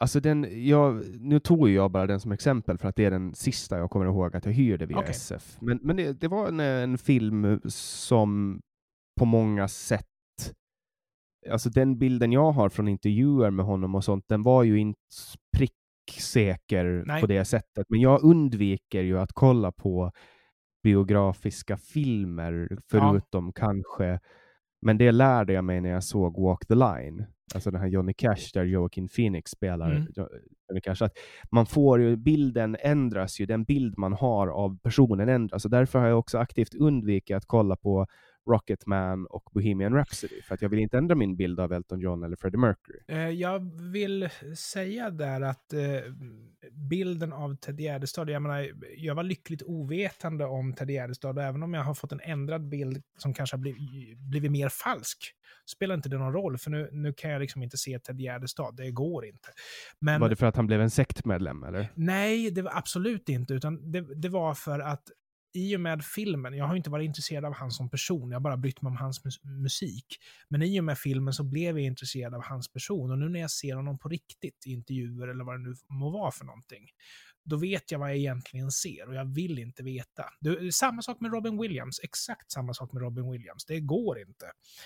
Men eh, när det gäller eh, både Freddie Mercury och Eh, Elton John så introducerade inte filmerna någonting som jag inte redan visste. Så eh, för min del så var det bara liksom bekräftelser på sånt som jag redan visste efter att ha läst om de människorna. Och eh, Bohemian Rhapsody är inte en skitbra film, men filmen har den har ett underhållningsvärde och den, den visar just det här magiska skimret. Vissa människor har så mycket karisma så att det blir nästan som ett magiskt skimmer kring dem. Och Freddie Mercury är en av dem. Ja, Freddie Mercury är definitivt en utav dem. Och jag tyckte att det kom fram i filmen på ett väldigt bra sätt. Rocketman däremot är en väldigt bra film. Rocketman är en fantastisk film. Den påminde mig om filmen om eh, Margaret Thatcher, därför att den berättar historien, kanske inte nödvändigtvis så som den var, utan så som eh, huvudrollsinnehavaren, eller huvudpersonen i fråga, uppfattade det. Så, så eh, Margaret Thatcher är ju den här felfria eh, personen med hög moral i eh, sin film och det är väl Meryl, Meryl Streep som spelar henne tror jag. Och Elton John är ju den här briljanta personen som kämpar mot droger i, i filmen Rocketman. Och det här är grejer som jag visste. Eh, nej, så, så jag har inte fått ändrad bild där, men man kanske ska vara lite försiktig. Ja. men jag har ju Mm. läst mycket, eh, mycket böcker som är biografier och de är ju, de är ju tillrättalagda ofta. Mm. Ja, men jag tänker att biogra alltså såna, eh, biografier är ju eh, också väldigt, alltså jag får ju alltid läsa, när jag läser en, en, eh, en biogra en biografi om någon, då får jag alltid läsa två, du vet, för att det, det är ju alltid konfliktande Ah. bilder. Mm. Så jag ser alltid till att jag läser eh, två böcker. Att om jag ska läsa om en person, då läser jag två olika författare. det var ju ganska om det, om det klokt. finns till. För jag låter mig ju hänges till den enda som jag har läst. Liksom. Jag menar, Richard Mm. Dawkins han skrev ju till och med två tjocka böcker om sig. Men jag tyckte det var givande. Den första boken var väl mest hans historia och hans uppväxt och alltihopa det där. Och det var spännande och sådär. Men den andra boken, Brief Candle in the Dark, där han berättade om sina teorier och, och eh, vad han har åstadkommit genom vetenskapen, där var man ju liksom, man växte som människa när man läste den. För det var lite mer intressant då att han, alltså han ger just sin sida av det vetenskapliga arbetet, för där är det ju hans sida som är intressant. När det, när det gäller sin person, då vet man ju ungefär vad han kommer att tycka. Den är bra, liksom. Mm. Nej, men jag, två exempel som jag kan ta där, där jag tror att det är extra viktigt att ha eh, att man läser flera böcker. Det är Mm. som om man läser om Napoleon eller Hitler. Ja, Eh, där skiljer det sig jättemycket på författarens bias eh, när, man, när man läser om just de två personerna.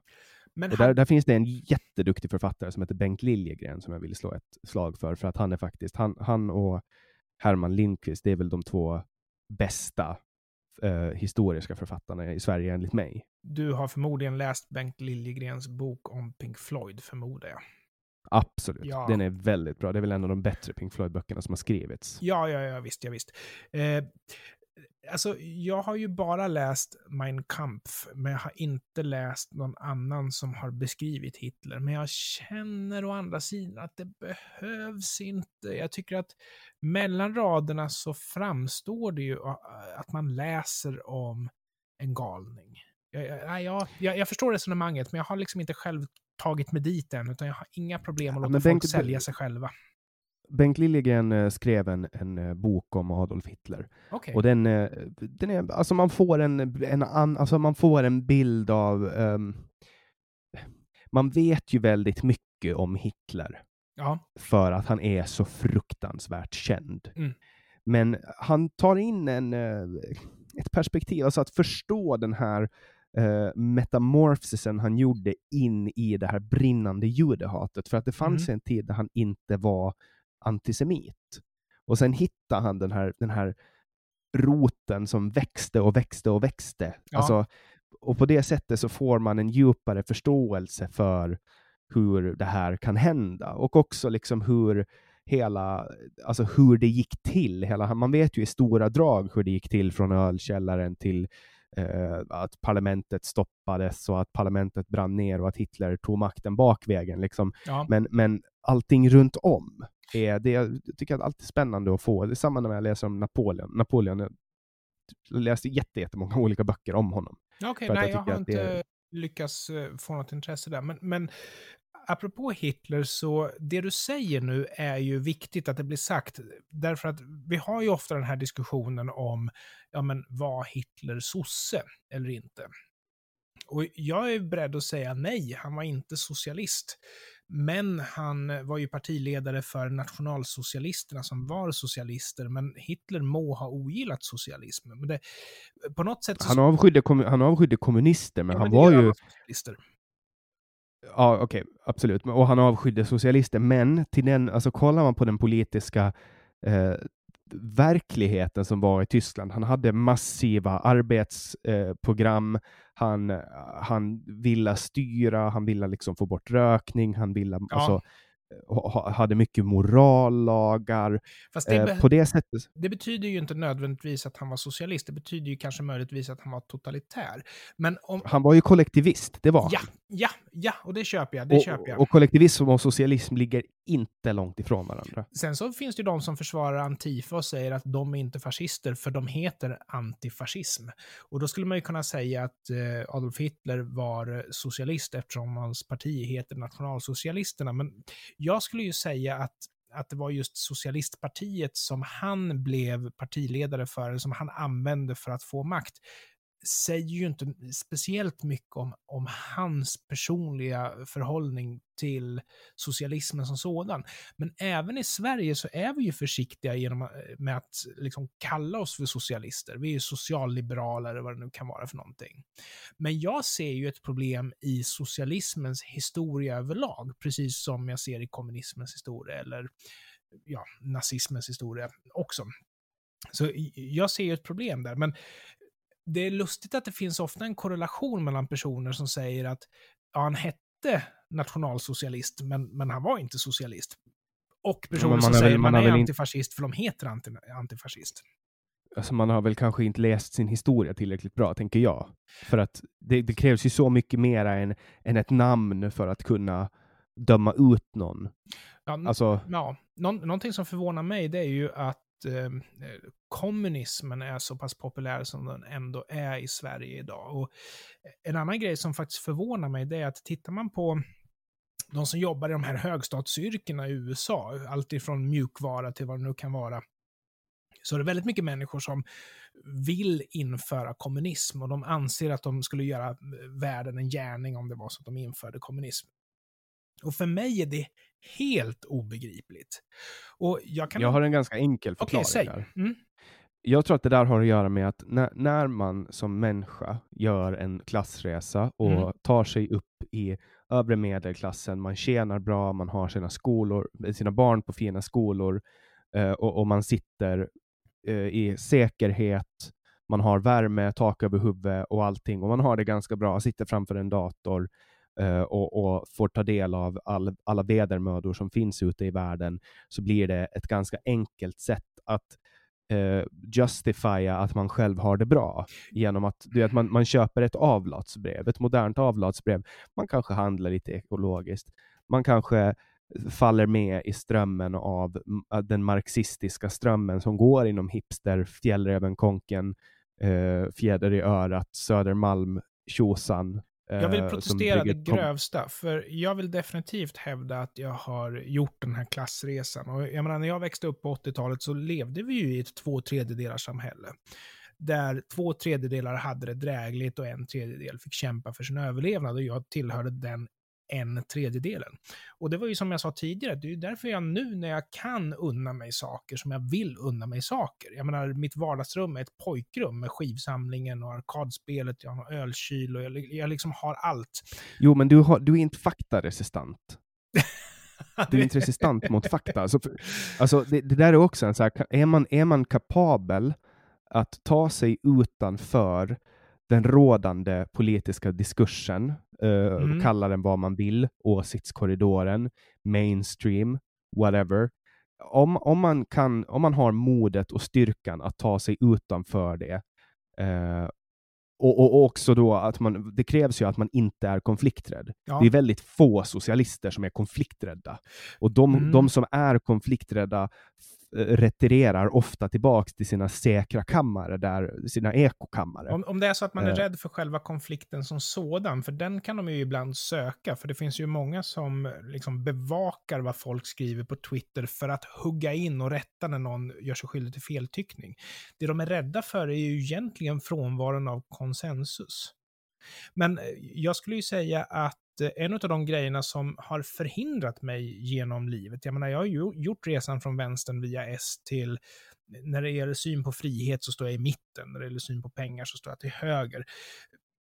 Alltså 80-talet var ju ett högskatteland och skatterna låg ju som en våt filt på just underklassen. Att precis inte ha pengar som, så att det räckte till att kunna få vara med på det de ska göra.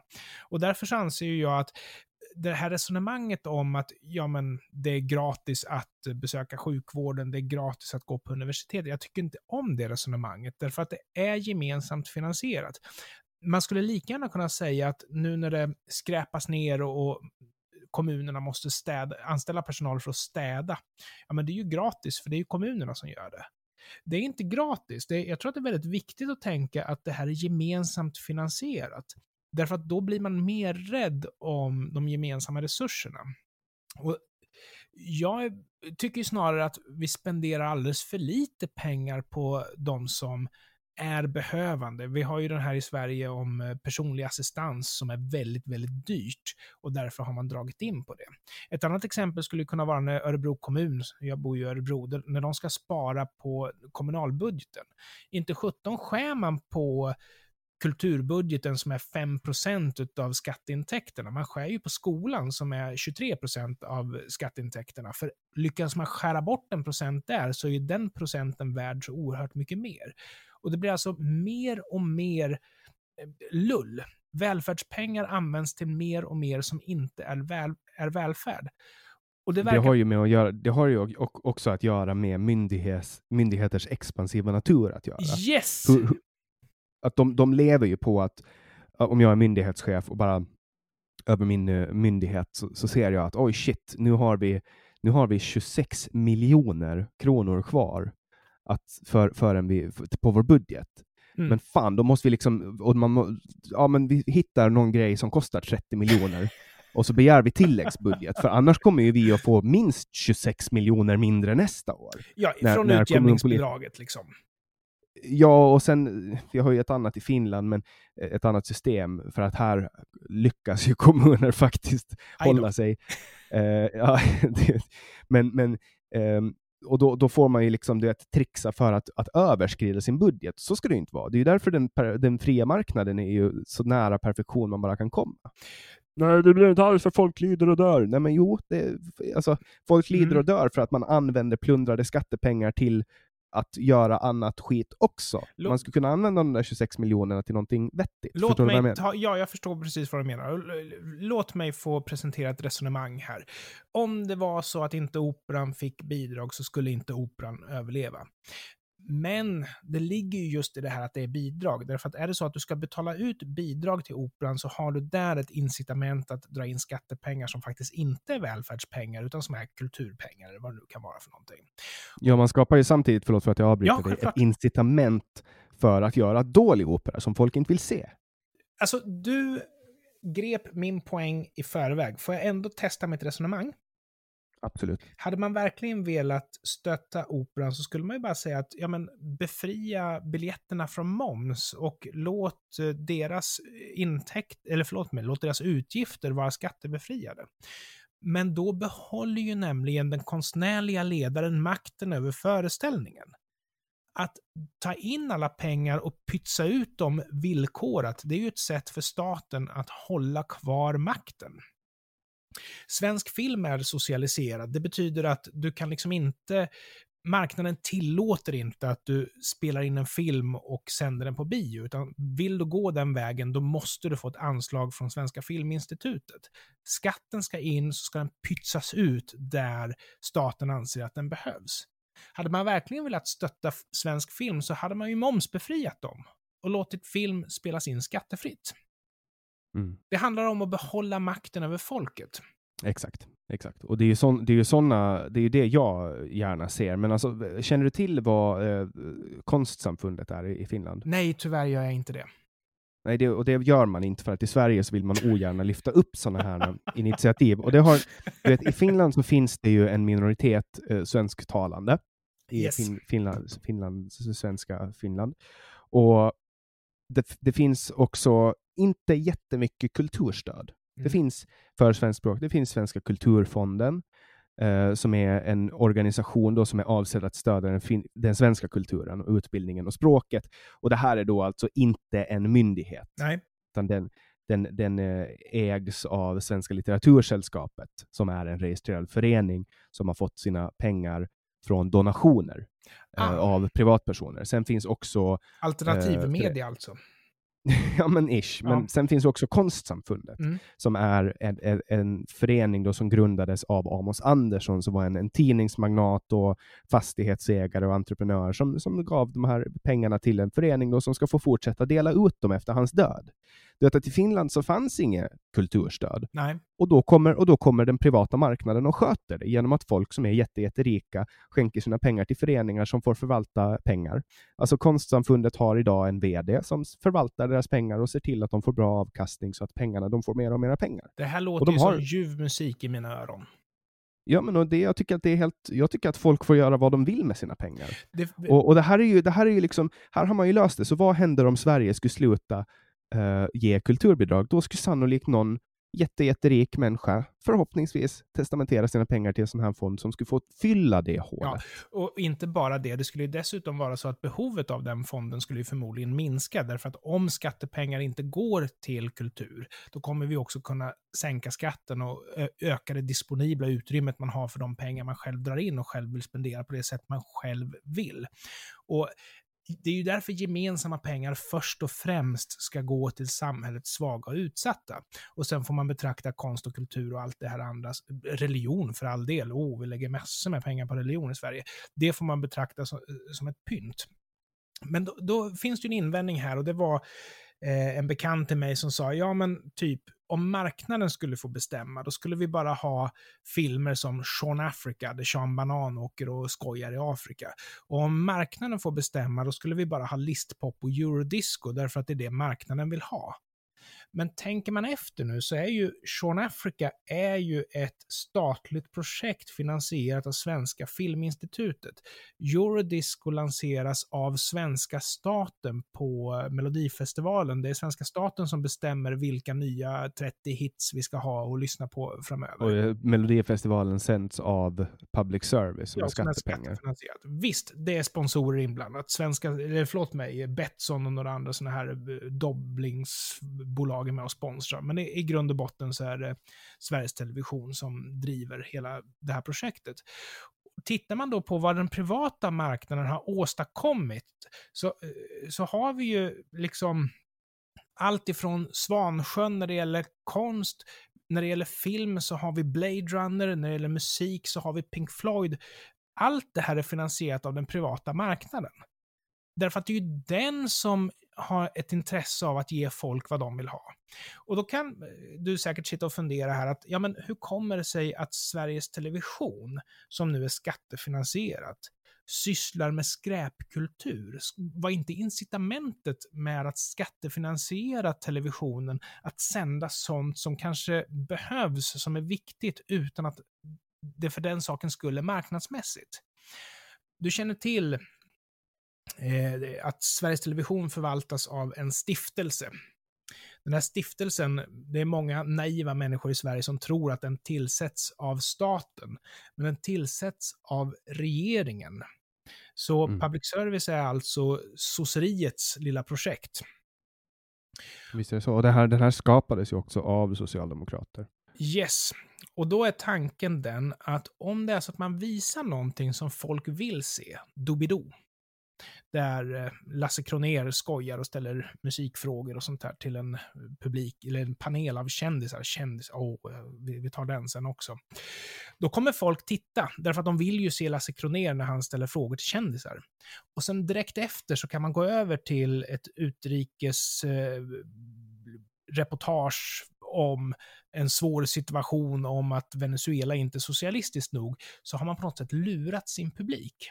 Så det, och jag, jag skulle säga att det här är relevans genom irrelevans. Genom att ta mm, underhållningsprogram, lätt underhållning, så är man relevant. Och det är precis de orden som man använder. Vi är relevanta genom att sända Doobidoo. Vi är relevanta genom att sända Melodifestivalen, annars skulle ingen titta.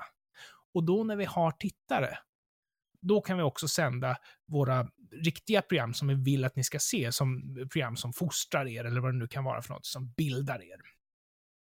Men eh, poängen är att det funkar ju inte så. Speciellt inte i den värld där man går in på en streamingtjänst och klickar på det program man vill se.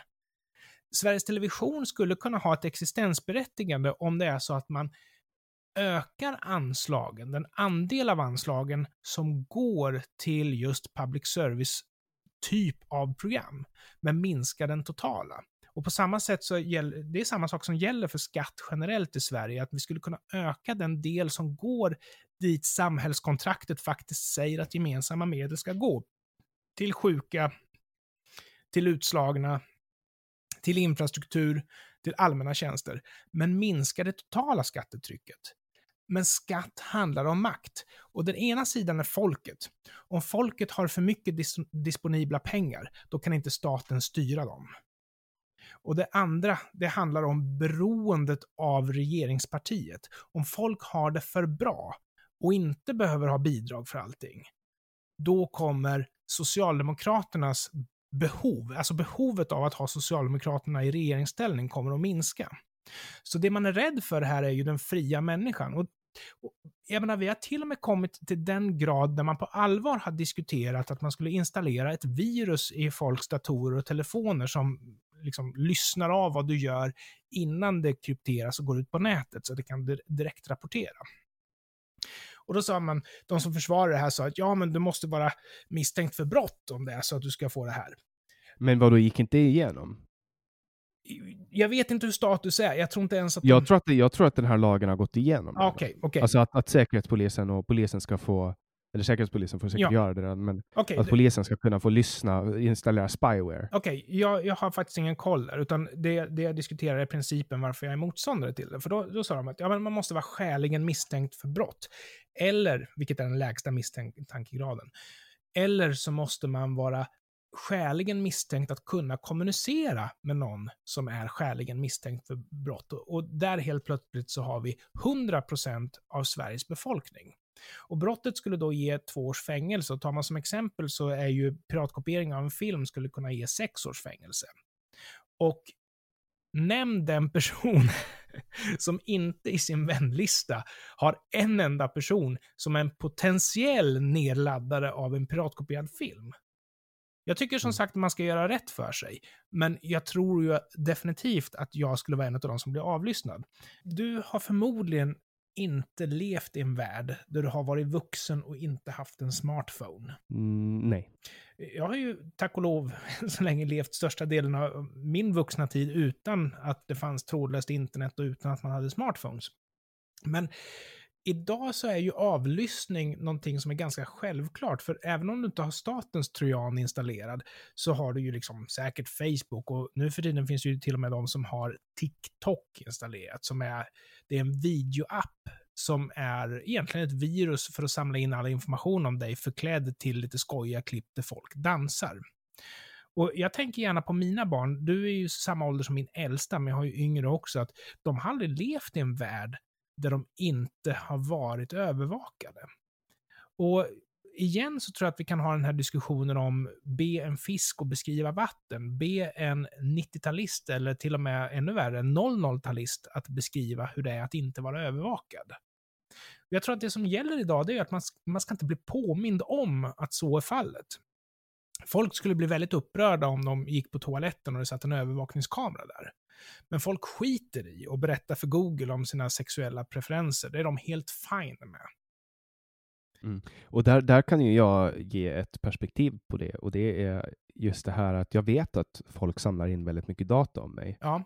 Och, men samtidigt så samlar de in om alla andra också. Alltså sannolikheten Ja. att jag ska bli utvald till att bli spionerad Mm. är väldigt liten. Och sen också, I wouldn't give a fuck om någon snubbe eller snubba nere på Irland, eh, i Irland satt och läste mina Facebook-konversationer. Nej, För att de har ändå ingen, det skulle ju vara lite jobbigt om det var en kompis eller en politisk motståndare som satt och gjorde ja. det. Men, men inte om det är någon random snubbe som måste sitta med Google Translate för att förstå vad jag skriver. Ja, där håller jag med, men det är inte det jag riktigt ser är problemet, utan det jag anser vara problemet, det är ju möjligheten att kunna profilera och samköra register. För vi vet att för... Ja, ja absolut, det, där har vi ju, det, men det är ju en helt annan fråga. Ja, ja, det är en helt annan fråga, men jag tror att be behovet av frihet anses vara väldigt lågt. För, jag menar, det kommer ju med positiva saker också. Alltså, du kan samköra register för att screena efter cancer. Ja, ja. Eller profilera den som har fått cancer så att du vet vem nästa som kommer att få cancer kanske är. Ja, alltså sådana saker. Du kan ju använda eh, det du kan ju använda Google-sökningar, den big data som finns kring det, så kan du ju liksom eh, förutspå vem som har sannolikt har cancer, alltså sådana Mm. saker. Och, och, och här vet vi ju, vi, vi vet ju väldigt lite om framtidens teknologi, men jag tror att om man ska spekulera, om man ska vara lite Alexander Bard, så tror jag nog att vi i framtiden kommer att kunna få varningsmeddelanden på våra telefoner eller Ja. ett, ett e-mail som säger att hej, vi har viktig information att säga att du ligger sannolikt i riskzonen för den här den här sjukdomen. Ja, Eh, men det, är, ju- alltså det, det där är inte bara någonting positivt, därför att det kommer ju ligga dig i fatet när du sen ska söka jobb och ska lämna utdrag på de här grejerna till din framtida Jaha, men, ja, just det. men det är ju en, det är en politisk fråga för då. Det, det behöver ju inte göra nu heller. Jag menar, sjukvård, så, så är det åtminstone i Finland. Alltså, sjukvårdens journaler är inte ens sammankopplade med psykiatrins journaler. Så om jag går till akuten eller hälsocentralen i, här på Åland, då kan inte ens de se att jag har haft kontakt med psykiatrin. Nej. Eh, Men nu vet jag inte hur det är i Sverige. Nej, men det är, samma, är det. eh, exakt samma sak och dessutom så är det ju så att eh, jag menar, en offentlig arbetsgivare ens kan inte se ditt brottsregister, utan är det så att de är intresserade av den så ber de dig att eh, dra ut den och lämna in den, för det är du som har behörighet att göra det. Men det är ju i en perfekt värld. Om, om vi nu tänker oss vidare att eh, du får eh, samhällspoäng för hur din offentliga profil, det datat som är uppsamlat ser ut. Ett jättebra exempel på det skulle kunna vara att du vill låna pengar. Du vill utan säkerhet kunna låna 100 000 kronor. Ja, okej, men då eh, får, får vi liksom fylla i en blankett här och sen så nu för tiden så är det ju faktiskt sällan en eh, människa som bedömer om du är behörig att låna eller inte, utan de gör lite utdrag, kollar att du inte har några betalningsanmärkningar och sen så är lånet godkänt. Och här är ju ett väldigt stort område för artificiell intelligens, det vill säga att man har datorer som tittar på gamla fall där pengar har lånats ut. Vad utmärkte de som lyckades betala tillbaka sitt lån? Och vad utmärkte de som inte lyckades betala tillbaka sitt lån? Och sen så kan datorn med betydligt större precision än vad en eh, mänsklig administratör någonsin skulle kunna göra, för datorn kan ju behandla så oerhört mycket mer data. Den kan läsa på om några miljoner fall på bara några ögonblick och dessutom behandla mönstren från de här miljoner fallen. En människa skulle kanske inte under hela sin yrkesverksamma karriär kunna ta sig igenom lika många fall som en dator kan fixa på några minuter och ännu mindre kunna dra direkta, eh, korrekta slutsatser från de här. Och det man ska veta då, det är ju att det finns väldigt många rasistiska servrar ute i serverhallarna i Sverige. För om en faktor till exempel eh, är att du är muslim eller, eh, eller att du är mörkhyad, korrelerar med att du är dålig på att betala tillbaka ditt lån, då kommer ju det för nästa mörkhyade person eller för nästa muslim ligga dem i fatet. Därför att datorn... där finns ju, där finns ju, det finns ju inget register på vem som är svart och vem nej, som nej, är vit. Just de bitarna var hypotetiska, därför att i Sverige ja. så för du inte register på det. Men däremot så är det ju så att en dator bryr sig ju inte om om ett samband är ett orsakssamband eller inte. Är det ett samband så är det ett samband. Det är därför datorerna... Men det är ju fortfarande, är... en, artific det är fortfarande en artificiell intelligens som gör det här. Ja, absolut. Och har den en hög tillförlitlighetsgrad och det är få som sållas däremellan, för att det, vem som helst kan ju få ett lån så länge man inte har kreditanmärkningar och mm. så länge man har ett fast jobb. Men säg så här då, att men, vi ska sätta räntan. Men, men i den här gruppen. Vi ska bedöma men, hur, sannolikhet, hur sannolikheten är att du ska betala tillbaka. Och vi vet saker om dig som kanske inte har någonting med eh, din förmåga att betala tillbaka att göra. Du är spanjor, kan vi säga. Men datorn vet att ja, bland spanjorer så är återbetalningsförmågan aningen sämre än vad den är bland svenskar. Och sen så höjer de räntan lite grann för dig så att du får straffavgift på grund av att du är född i Spanien. Men så gör ju försäkringsbolag ja, idag. Jo, jo, jag, blev nekad, jag blev nekad en försäkring för att Uh, för att jag har varit intagen på psykiatrisk klinik för bipolär sjukdom samt att jag har opererat bort tonsillerna. Det var väl hopplöst svårt att försöka provocera fram det där, för jag, jag, skulle ju säga att de i min generation, de ser ju 1984 att vi är här nu redan idag. Och i Kina så skulle jag nästan säga att de är det, i och med att de har faktiskt medborgarpoäng baserat på allt möjligt som du gör i... Men du verkar ta det här lite gärna med mer ro än vad jag gör. Men det är för att det där är också saker som jag inte kan kontrollera. Uh, alltså hur, hur jag än håller på, alltså, eller jo, jag kan ju kontrollera det genom att börja använda en gammal Nokia, uh, ja. VPN-tunnlar, ja. uh, DuckDuckGo, om du har en gammal Nokia behöver du inga VPN-tunnlar. för den inga... Nej, men jag tänker att när jag, när jag använder en dator så använder jag en VPN-tunnel. Alltså sådana grejer. Men, men då, får jag liksom, då tar jag på mig en, en ny kost, då tar jag på mig kostnadsposter som, som är, det blir ganska dyrt i längden, plus att jag begränsar mig från en, en del saker.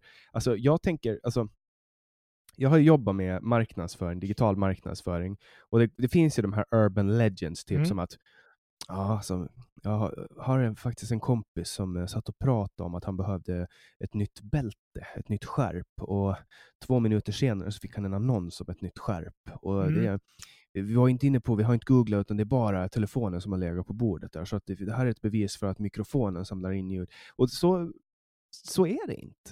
Alltså, det funkar inte på det sättet som folk tror eh, att, att det är. Liksom, det, du hamnar i en kategori och så kan du, retargeting mm. är den vanligaste som folk, yes. alltså som boomers är lite rädda för. Det är så här, oh, jag, jag googlar på, jag ska, köpa, jag ska köpa en ny grill och sen dyker det upp grillar överallt på internet. Jag är avlyssnad. Nej, det, så är det inte. Jag... Det är ju i och för sig mer korrekt än att mikrofonen används.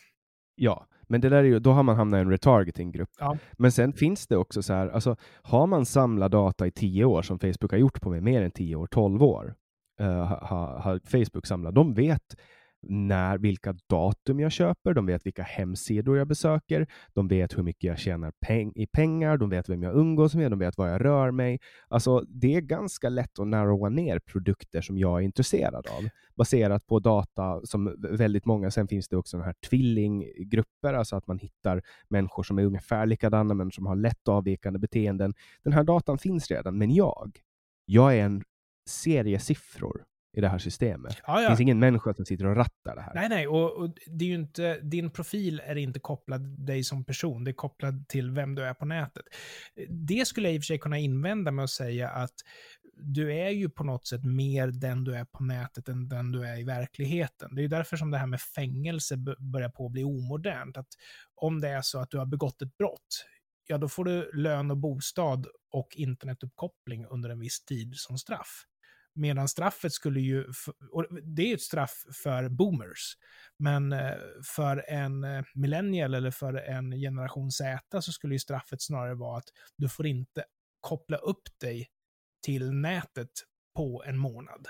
Mm. Då- Ja, men alltså för mig, att hamna i fängelse, Mm. jag skulle se det som ett skitbra, eh, alltså en jättebra chans att göra klart gymnasiet. Ja, precis. Då kan man andas ut lite grann. Exakt, och jag vet, inte om jag, jag vet inte om det skulle vara så fruktansvärt hemskt för mig att sitta i ett svenskt fängelse. Jag vet inte om jag vill sitta i ett finskt fängelse, men ett svenskt skulle jag nog kunna tänka mig att sitta i. Och det skulle vara ett ganska bra sätt att komma ut ur den här ekonomiska krisen. Nu gav du mig en ganska bra idé. Nej, Jag kan inte fortsätta det, jag vill inte bidra till, till det här. Nu rycker du upp dig och sen så ser du till och får många snus. Men med, med ett svar, ja eller nej, är TikTok en samhällsfiende? De är ju trots allt Facebook gånger 10 när det gäller att sniffa på information. Alltså, är, det, är, är, de, ägs de av kinesiska regeringen? Nej, men de är ett företag som drar in väldigt mycket information. Ett privat kinesiskt företag. Tror jag att det är, ja. Mm. Alltså, jag, jag, jag vet inte. Jag tycker att TikTok är jättekul för att de har en AI som, som, som har lyckats hitta min humor. Så varje gång jag går in på TikTok Oj. så har, så har jag en streamline av videos som jag tycker att är roliga. För att de vet, de har profilerat min humor på ett sätt som fascinerar mig. Alltså det, den AI som styr det där är briljant. Jannik, det intellektuella förfallet förfärar mig. Eh, Jag skulle vilja fråga dig, Sara Larsson, är du bekant med henne då? Ja. Jag skulle nog utpeka henne som en utav samhällsfienderna vi har i Sverige. Hon är en popstjärna och hon är uppenbarligen bra på vad hon gör. Jag lyssnar ju inte på den sortens musik, så jag har ingen aning om hur hon låter, men hon är en respekterad person. Och hon tjänar extra pengar på att göra reklam för Huawei. Och Huawei har ungefär samma intentioner som TikTok, men med den lilla knorren på slutet att Huawei faktiskt är ägda av den kinesiska staten och att kinesiska staten faktiskt sysslar med profilering. Så därför skulle... Jag skulle aldrig, jag skulle aldrig köpa en Huawei-telefon till exempel. Nej. Och jag brukar skoja med folk som har Huawei. Ja, och jag betraktar Sara Larsson som en av det moderna samhällets stora fiender, därför att vi är så förledda av att hon är ung och vacker och sjunger bra och skriver bra låtar. Eller vad det nu är hon gör, för jag vet inte. Hon är uppenbarligen en inflytelserik person. Men hon säljer Huawei. Hon får ju uppenbarligen kinesiska pengar i fickan för att göra det hon gör. Och Ja, men hon, hon är väl lite kommunist, eller? Ja, så det kanske rimmar väldigt väl. Och i och för sig, det kan ju också förklara varför personer inte är så rädda för henne. För det totalitära samhället är ju populärt. Det är på väg tillbaka. Jag har till och med pratat med personer som ifrågasätter själva konceptet med frihet. Varför skulle, vad är självändamålet med att vara fri när du ändå liksom inte själv är kapabel att tänka ut eller göra något så bra som att titta på ett program som staten har producerat åt dig för att du ska se. Medan jag å andra sidan kan tänka att är inte svensk kulturpolitik fasligt lik just Nazitysklands kulturpolitik, att den ska forma folket? Ja, så visst finns det ju saker som är obehagliga, men, men alltså det jag tänker så här, när- när, när vi pratar om det intellektuella förfallet är att jag inte bryr mig om att TikTok samlar information om mig. För Nej, att men det är så här, det är lätt underhållning också, för det var ju som du sa, att det var ju videos som får dig att skratta. Det är väl inte... ja, det är, men men alltså, det är ju ingenting som jag, jag spelar ju också World of Warcraft till exempel. Ah, det är ju också- du det är låter också dig... ett- Mm. Det är också ett, det är alltså mitt sätt att indulga i eh, frosseri och allt det här. Eh, Alltså jag har ju inte alkohol eh, eller droger eller sånt i mitt liv som, som andra människor kan eh, ägna sig åt. Ja, Eh, och, och då, får jag, då får jag hitta alternativa underhållningsformer och ibland vill jag ha någonting hjärndött, ibland vill jag sitta och dunka huvudet i väggen. Och då kan, jag, då kan jag sätta mig på TikTok och kolla på de här, för det är ju ingenting som jag gör. Jag brukar göra det när jag sitter och skiter, kan jag titta på TikTok. ja men det, Eh, okej. för att Mm. jag kan, inte, jag kan inte ringa till någon på Facebook Messenger, därför att då hör folk att jag skiter, för att det är för bra kvalitet. Aj, aj. Jag kan, alltså sådana saker. Och, och, så att det är ju inget, det är inte så att jag sitter sju timmar om, om dygnet och, och TikTokar. men, men jag bryr mig inte om vilken information de samlar in, därför att så här, låt dem titta på det. Jag, Mm. alltså, du, kan få, du kan få ta min telefon och så kan du få sätta dig ner och läsa mina Facebook-konversationer. Ja, eller, Narcissistiska jag skulle bara tycka att det var kul att du ville, alltså förstår du vad jag fast, menar? det, fast det är ju inte på den nivån det sker, utan det, du är ju faktiskt anonym på serversidan. Du är ett nummer. Du är inte en fysisk person. Men däremot så är det just profileringsbiten som irriterar mig något väldigt. Men då å andra sidan det här med det totalitära då, ändå så tycker väl du precis som jag att man passerar en viss gräns när man i Sverige lägger 8,5 miljarder kronor på att staten ska stå för underhållningen i, i stugorna och att vi har pressstöd och sådana saker. Absolut, absolut. Jag är, ju för, Men- jag är ju för en avveckling av public service. Ja, okej. Och det, det, är ju, det är ju också roten till den största olyckan i hela mitt liv, att jag har hamnat på ond fot med, med public service här på Åland och därför Mm. Det är ju intressant, för Yle har ju, är ju en av de få medier som har liksom pratat om Radio Howdy och som har pratat om mig. Det har ju aldrig Sveriges Radio gjort.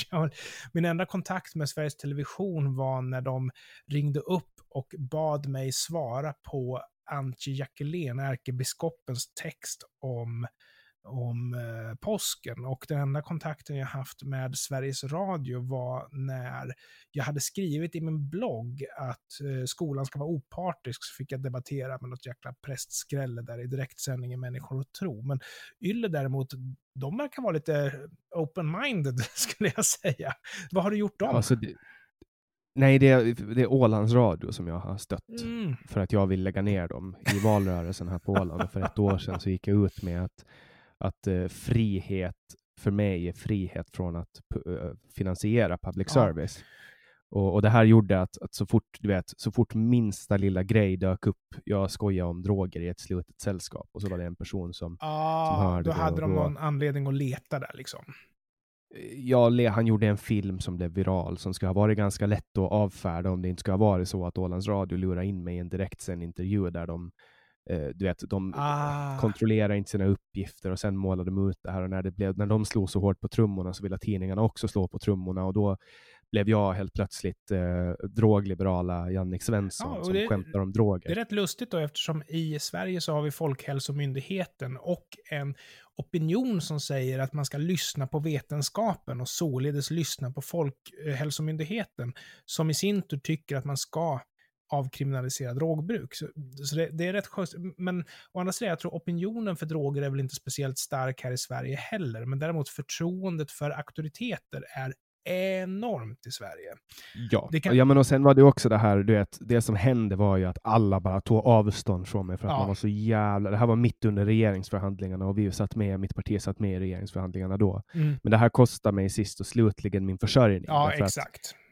ehm, och nu sitter jag här och, och ja, min dröm är ju att kunna försörja mig på podda, men Ja. eh, i och med att folk eh, har ju inte så mycket pengar nu att de kan donera på Spotify eller nej, men säga, på Patreon eller, eller Swish så är det, det är svårt alltså. Det Ja, är, nej, det framtiden är extremt osäker. Nej, jag, jag har nog förmodligen en mer positiv syn till public service än vad du har. Jag är inte så naiv att jag inte tror att eh, de är, eller att jag tror att de är objektiva, för jag förstår att alla berättelser måste ha en agenda. Jag förstår det.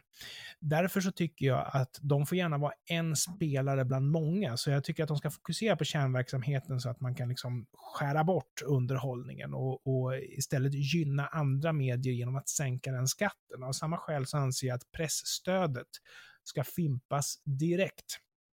Ja, och partistödet. Och Bort partistödet. med det. Förpassa det till Ja, historieböckerna. pressstödet handlar ju egentligen bara om att ge tillbaks skattepengar för att återskapa de förutsättningar man har saboterat genom att dra in skattepengarna. Men man har makten över eh, liksom vilken tidning som får det här. Och det syftar ju egentligen till att få regeringsvänliga tidningar att eh, gå runt.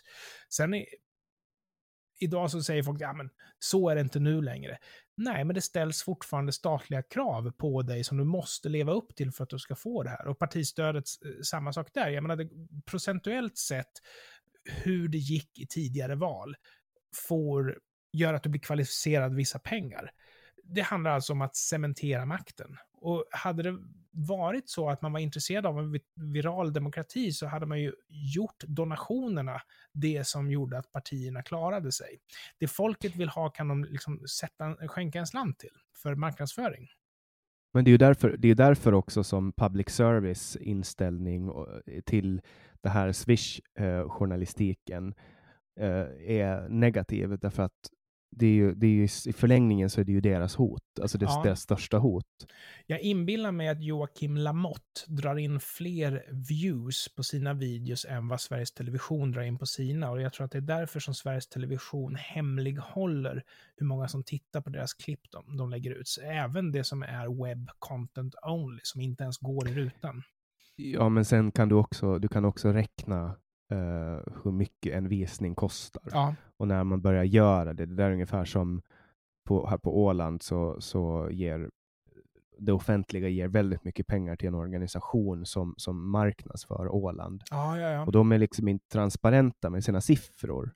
Därför att om de skulle vara det, då skulle man kunna med de siffrorna de har ta en offert från en mediebyrå i Stockholm som skulle kunna leverera hundra gånger de, de visningarna så skulle man få en, alltså man skulle kunna få svart på vitt att här har vi en bättre return of investment.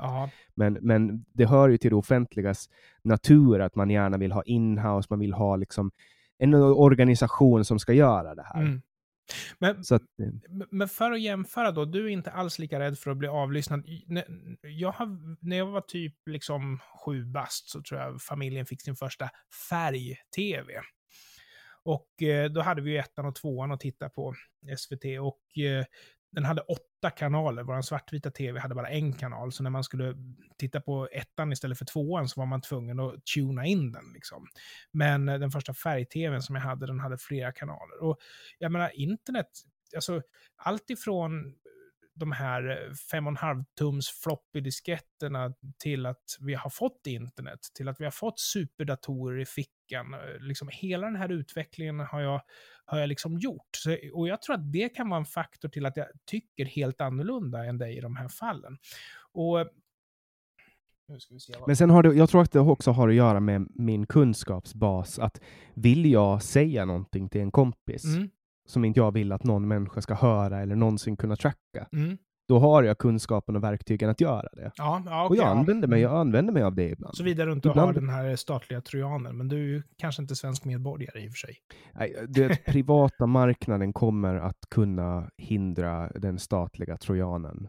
Eh, alltså, Ja, det är bara att ha, det är bara att ha ett virusskydd som är någonting över en gratisversion som du får med när du laddar hem WinRAR. Alltså, Ja, jag funderar lite grann på det där att Microsofts kunder borde ju ha ett ganska högt intresse av att skydda, eller förlåt mig, Microsoft borde ha ett högt intresse av att skydda sina kunder ifrån intrång från liksom främmande stater. För Sverige är ju en främmande stat enligt amerikanska mått mätt. De borde ju vara, vara intresserade av att säga att vi är det säkra alternativet ja, men alltså den naiviteten på, på riksdagsnivå tror jag inte att finns, för att man tror ju på riktigt att Sverige är ett land som folk tittar på med respekt. Fast så är det fortfarande i vissa frågor, men jag skulle säga att vi har tappat, när det gäller till exempel svensk militär, svensk, eh, alltså det här med corona, har vi ju blivit lite, eh, jag, jag vet att det finns de som säger, ja men Sverige är bäst, vi vet inte förrän om några år om kurvan verkligen är platt eller inte, men allt det där. Men där har ju Sverige tappat. Därför att utomlands bedömer man ju Sverige som att ha lyckats lite si och så. När det gäller arbetslösheten så bedömer man ju Sverige utomlands att de har misslyckats alltså. När det gäller tillväxt och så vidare. Men däremot när det gäller underrättelsetjänst och sådana här saker så har ju Sverige fortfarande väldigt hög status internationellt. Vi är väldigt duktiga på underrättelsearbete. Vi är väldigt duktiga på att krama ur information ifrån eh, främmande stater om det är så, så att vi skulle vara det. Men det är kanske möjligtvis bara det där, där det står kvar. Det var ju till och med så att... Ja, jag vet, inte, de, de senaste två utrikesministrarna är inte så imponerande för mig i alla fall. Nej, utrikesmiljö, fine. Men underrättelsearbetet, även om det sker under dem, så tror inte jag att de har orkestrerat det speciellt mycket.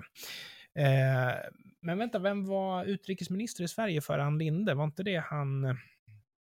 eh, Nej, det var ju Mar vad he- Margot Wallström. Jaha, det var Wallström. Ja, ja, ja. Nej, nej, nej, nej. Jag tror du måste backa en till för att, för att folk ska tycka att det var bra. Men eh, han var Det ju... var ju Carl Bildt. Ja, ja, precis. Och, och- och Carl Bildt är ju en av de svenska politiker som jag eh, respekterar mest av alla och det är Okej. för hans karaktär. Han, han, han, har, han är ju en riktig, han är en riktig skojgubbe alltså. Jag vill gå ut med att säga någonting negativt om Carl Bildt, för jag håller Gör med inte det, då sparkar jag dig. Nej, men jag, kan, jag kan eh, säga att du har rätt. Hans karaktär är fantastisk och han verkar vara en jäkla skön snubbe. Däremot så var det ju faktiskt så att han satt i styrelsen för Lundin Oil samtidigt som han var utrikesminister. Och när Lundin Oil skulle dra en gasledning via svenskt vatten så var det ju utrikesministern som man skulle förhandla med. Så det betyder att Carl Bildt skulle alltså komma överens med Carl Bildt om huruvida Carl Bildt skulle tillåta att Carl Bildt drog en gasledning där. Och det där tycker jag är Sverige i ett nötskal. Ett annat exempel, alltså han borde ha reagerat själv. Ett annat exempel var ju Pirate Bay-rättegången. De som hade byggt Pirate Bay blev fällda för medhjälp till medhjälp till piratkopiering. Och eh, då var det ju så här att domaren som dömde var samma juridiska person som stämde dem. Han hade lämnat organisationen, intresseorganisationen som stämde dem strax innan för att kunna döma och fick sen ett toppjobb i musikbranschen efter domen. Så det betyder alltså att du kan stämma en organisation, döma att du hade rätt när du stämde dem och sen få en belöning i Sverige. Så Sverige är Mm. Och det, här skulle, och det här skulle ju inte funka om, om Sverige var byggt på minarkism. Eh, Utveckla. Då skulle det här vara ett icke-problem. Nej, men det, du vet, staten ska vara, den ska finnas, men den ska vara så liten som möjligt. Och, och dess primära funktion är att skydda eh, människor från eh, andra människors dåliga intentioner. Ja, staten ska vara engagerad i människors frihet, inte engagerad i att styra befolkningen till att bli den bästa tänkbara befolkningen. Ja, indeed. Och sen kan, jag, sen kan jag gå med på att lägga på lite olika saker som infrastruktur och universitetssjukhus och, och, och sådana saker på min stat. Men, Men men i övrigt Ja, så skulle det där i min utopi inte vara ett problem att, att man ville dra en gasledning under vattnet. Det är så här, jag, kommer, alltså så här, vem, vilken svensk medborgare kommer att simma in i den där gasledningen? Förstår du nej, vad det jag ska menar? inte vara ett problem, men det ska ju vara en, en fråga för svenska myndigheter. Som då är, helst inte ska vara samma person som den som vill dra gasledningen eftersom bolaget i fråga inte var svenskt. Ja, Nej, jag, jag försvarar inte Carl Bildt, det är ju skitdumt. Alltså många, man, alla politiker gör ju bort sig, alla människor ja. gör bort sig på jobbet. Men då det kan vi var vara överens om att Carl Bildt är en skön person och han verkar ha hjärtat på rätt ställe och han verkar ha den humor och den karisma som behövs för att kunna komma dit han vill i landet. Och där är vi överens. Jag högaktar Carl Bildt. Han är, jag tycker han är, det min- han är en av mina eh, drömgäster här i podden. Ja, det, Så om du hör det här Carl Bildt, det vet du. Då kommer jag, då kommer jag garanterat att lyssna. I och för sig, jag har lyssnat på dina avsnitt ändå. Eh, det var lite kul när jag ringde dig och du bara Ja, hej Annik, jag lyssnar på din podd. Ja, här, nej, men "Åh." jag, jag blev jätteglad. Det, det sista som jag hade hört var att du hade tydligen intervjuat alla personer som var med i podcasten Haveristerna. Och Ja. eh, jag fick tips ifrån någon på Twitter om att jag skulle lyssna på Haveristerna. Och jag lyssnade på Haveristerna och stängde av efter en halvtimme därför att det jag kände det var att de recenserade sina meningsmotståndare med glåpord.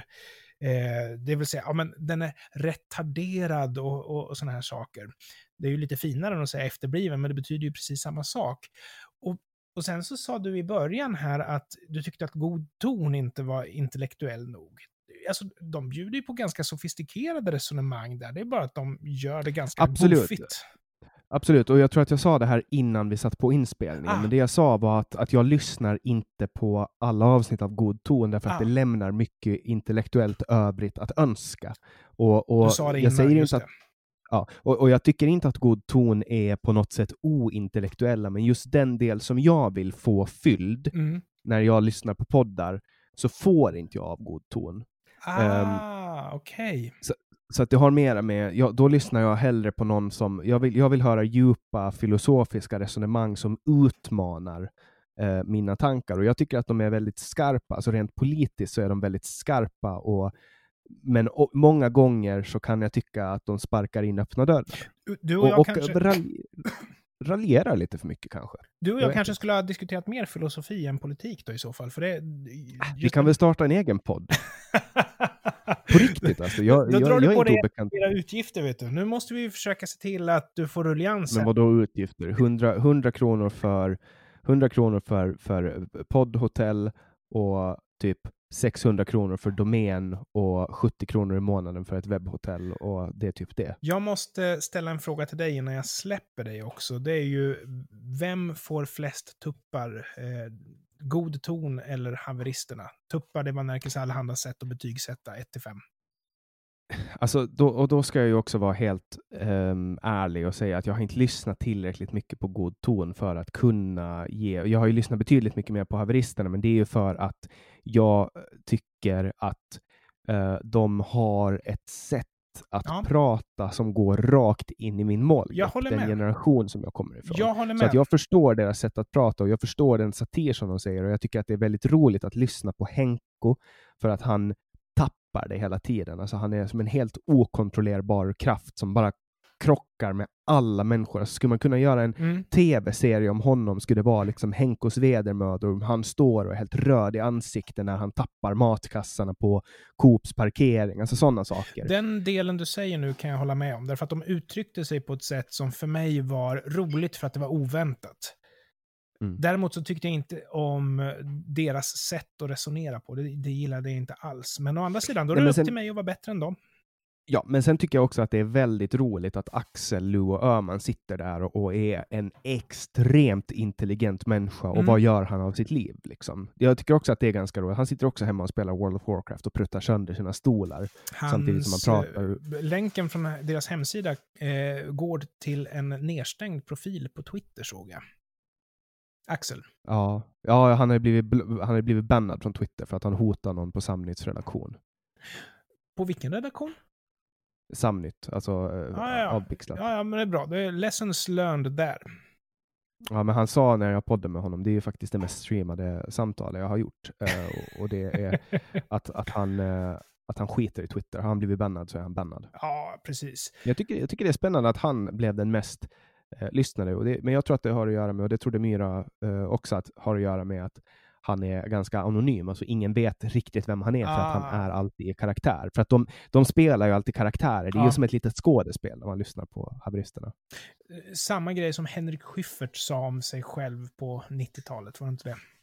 Mm, Ja, när han faktiskt var rolig. Ja, precis. På den tiden han faktiskt var rolig. Eh, där, Ni lyssnar på Nile City 105,6 stycken Lionel Richie-biljetter.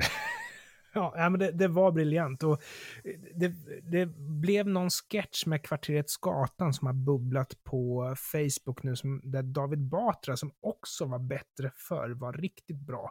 När de bråkade om den sista kakan som är kvar efter en parmiddag.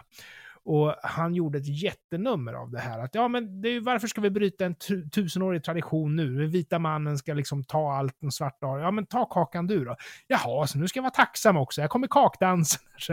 Det, det var en perfekt satir över identitetspolitik. Så hatten av till Batra för den. Mm. Förhoppningsvis så lyssnar ju han på den här podden. Ja, det är klart han gör.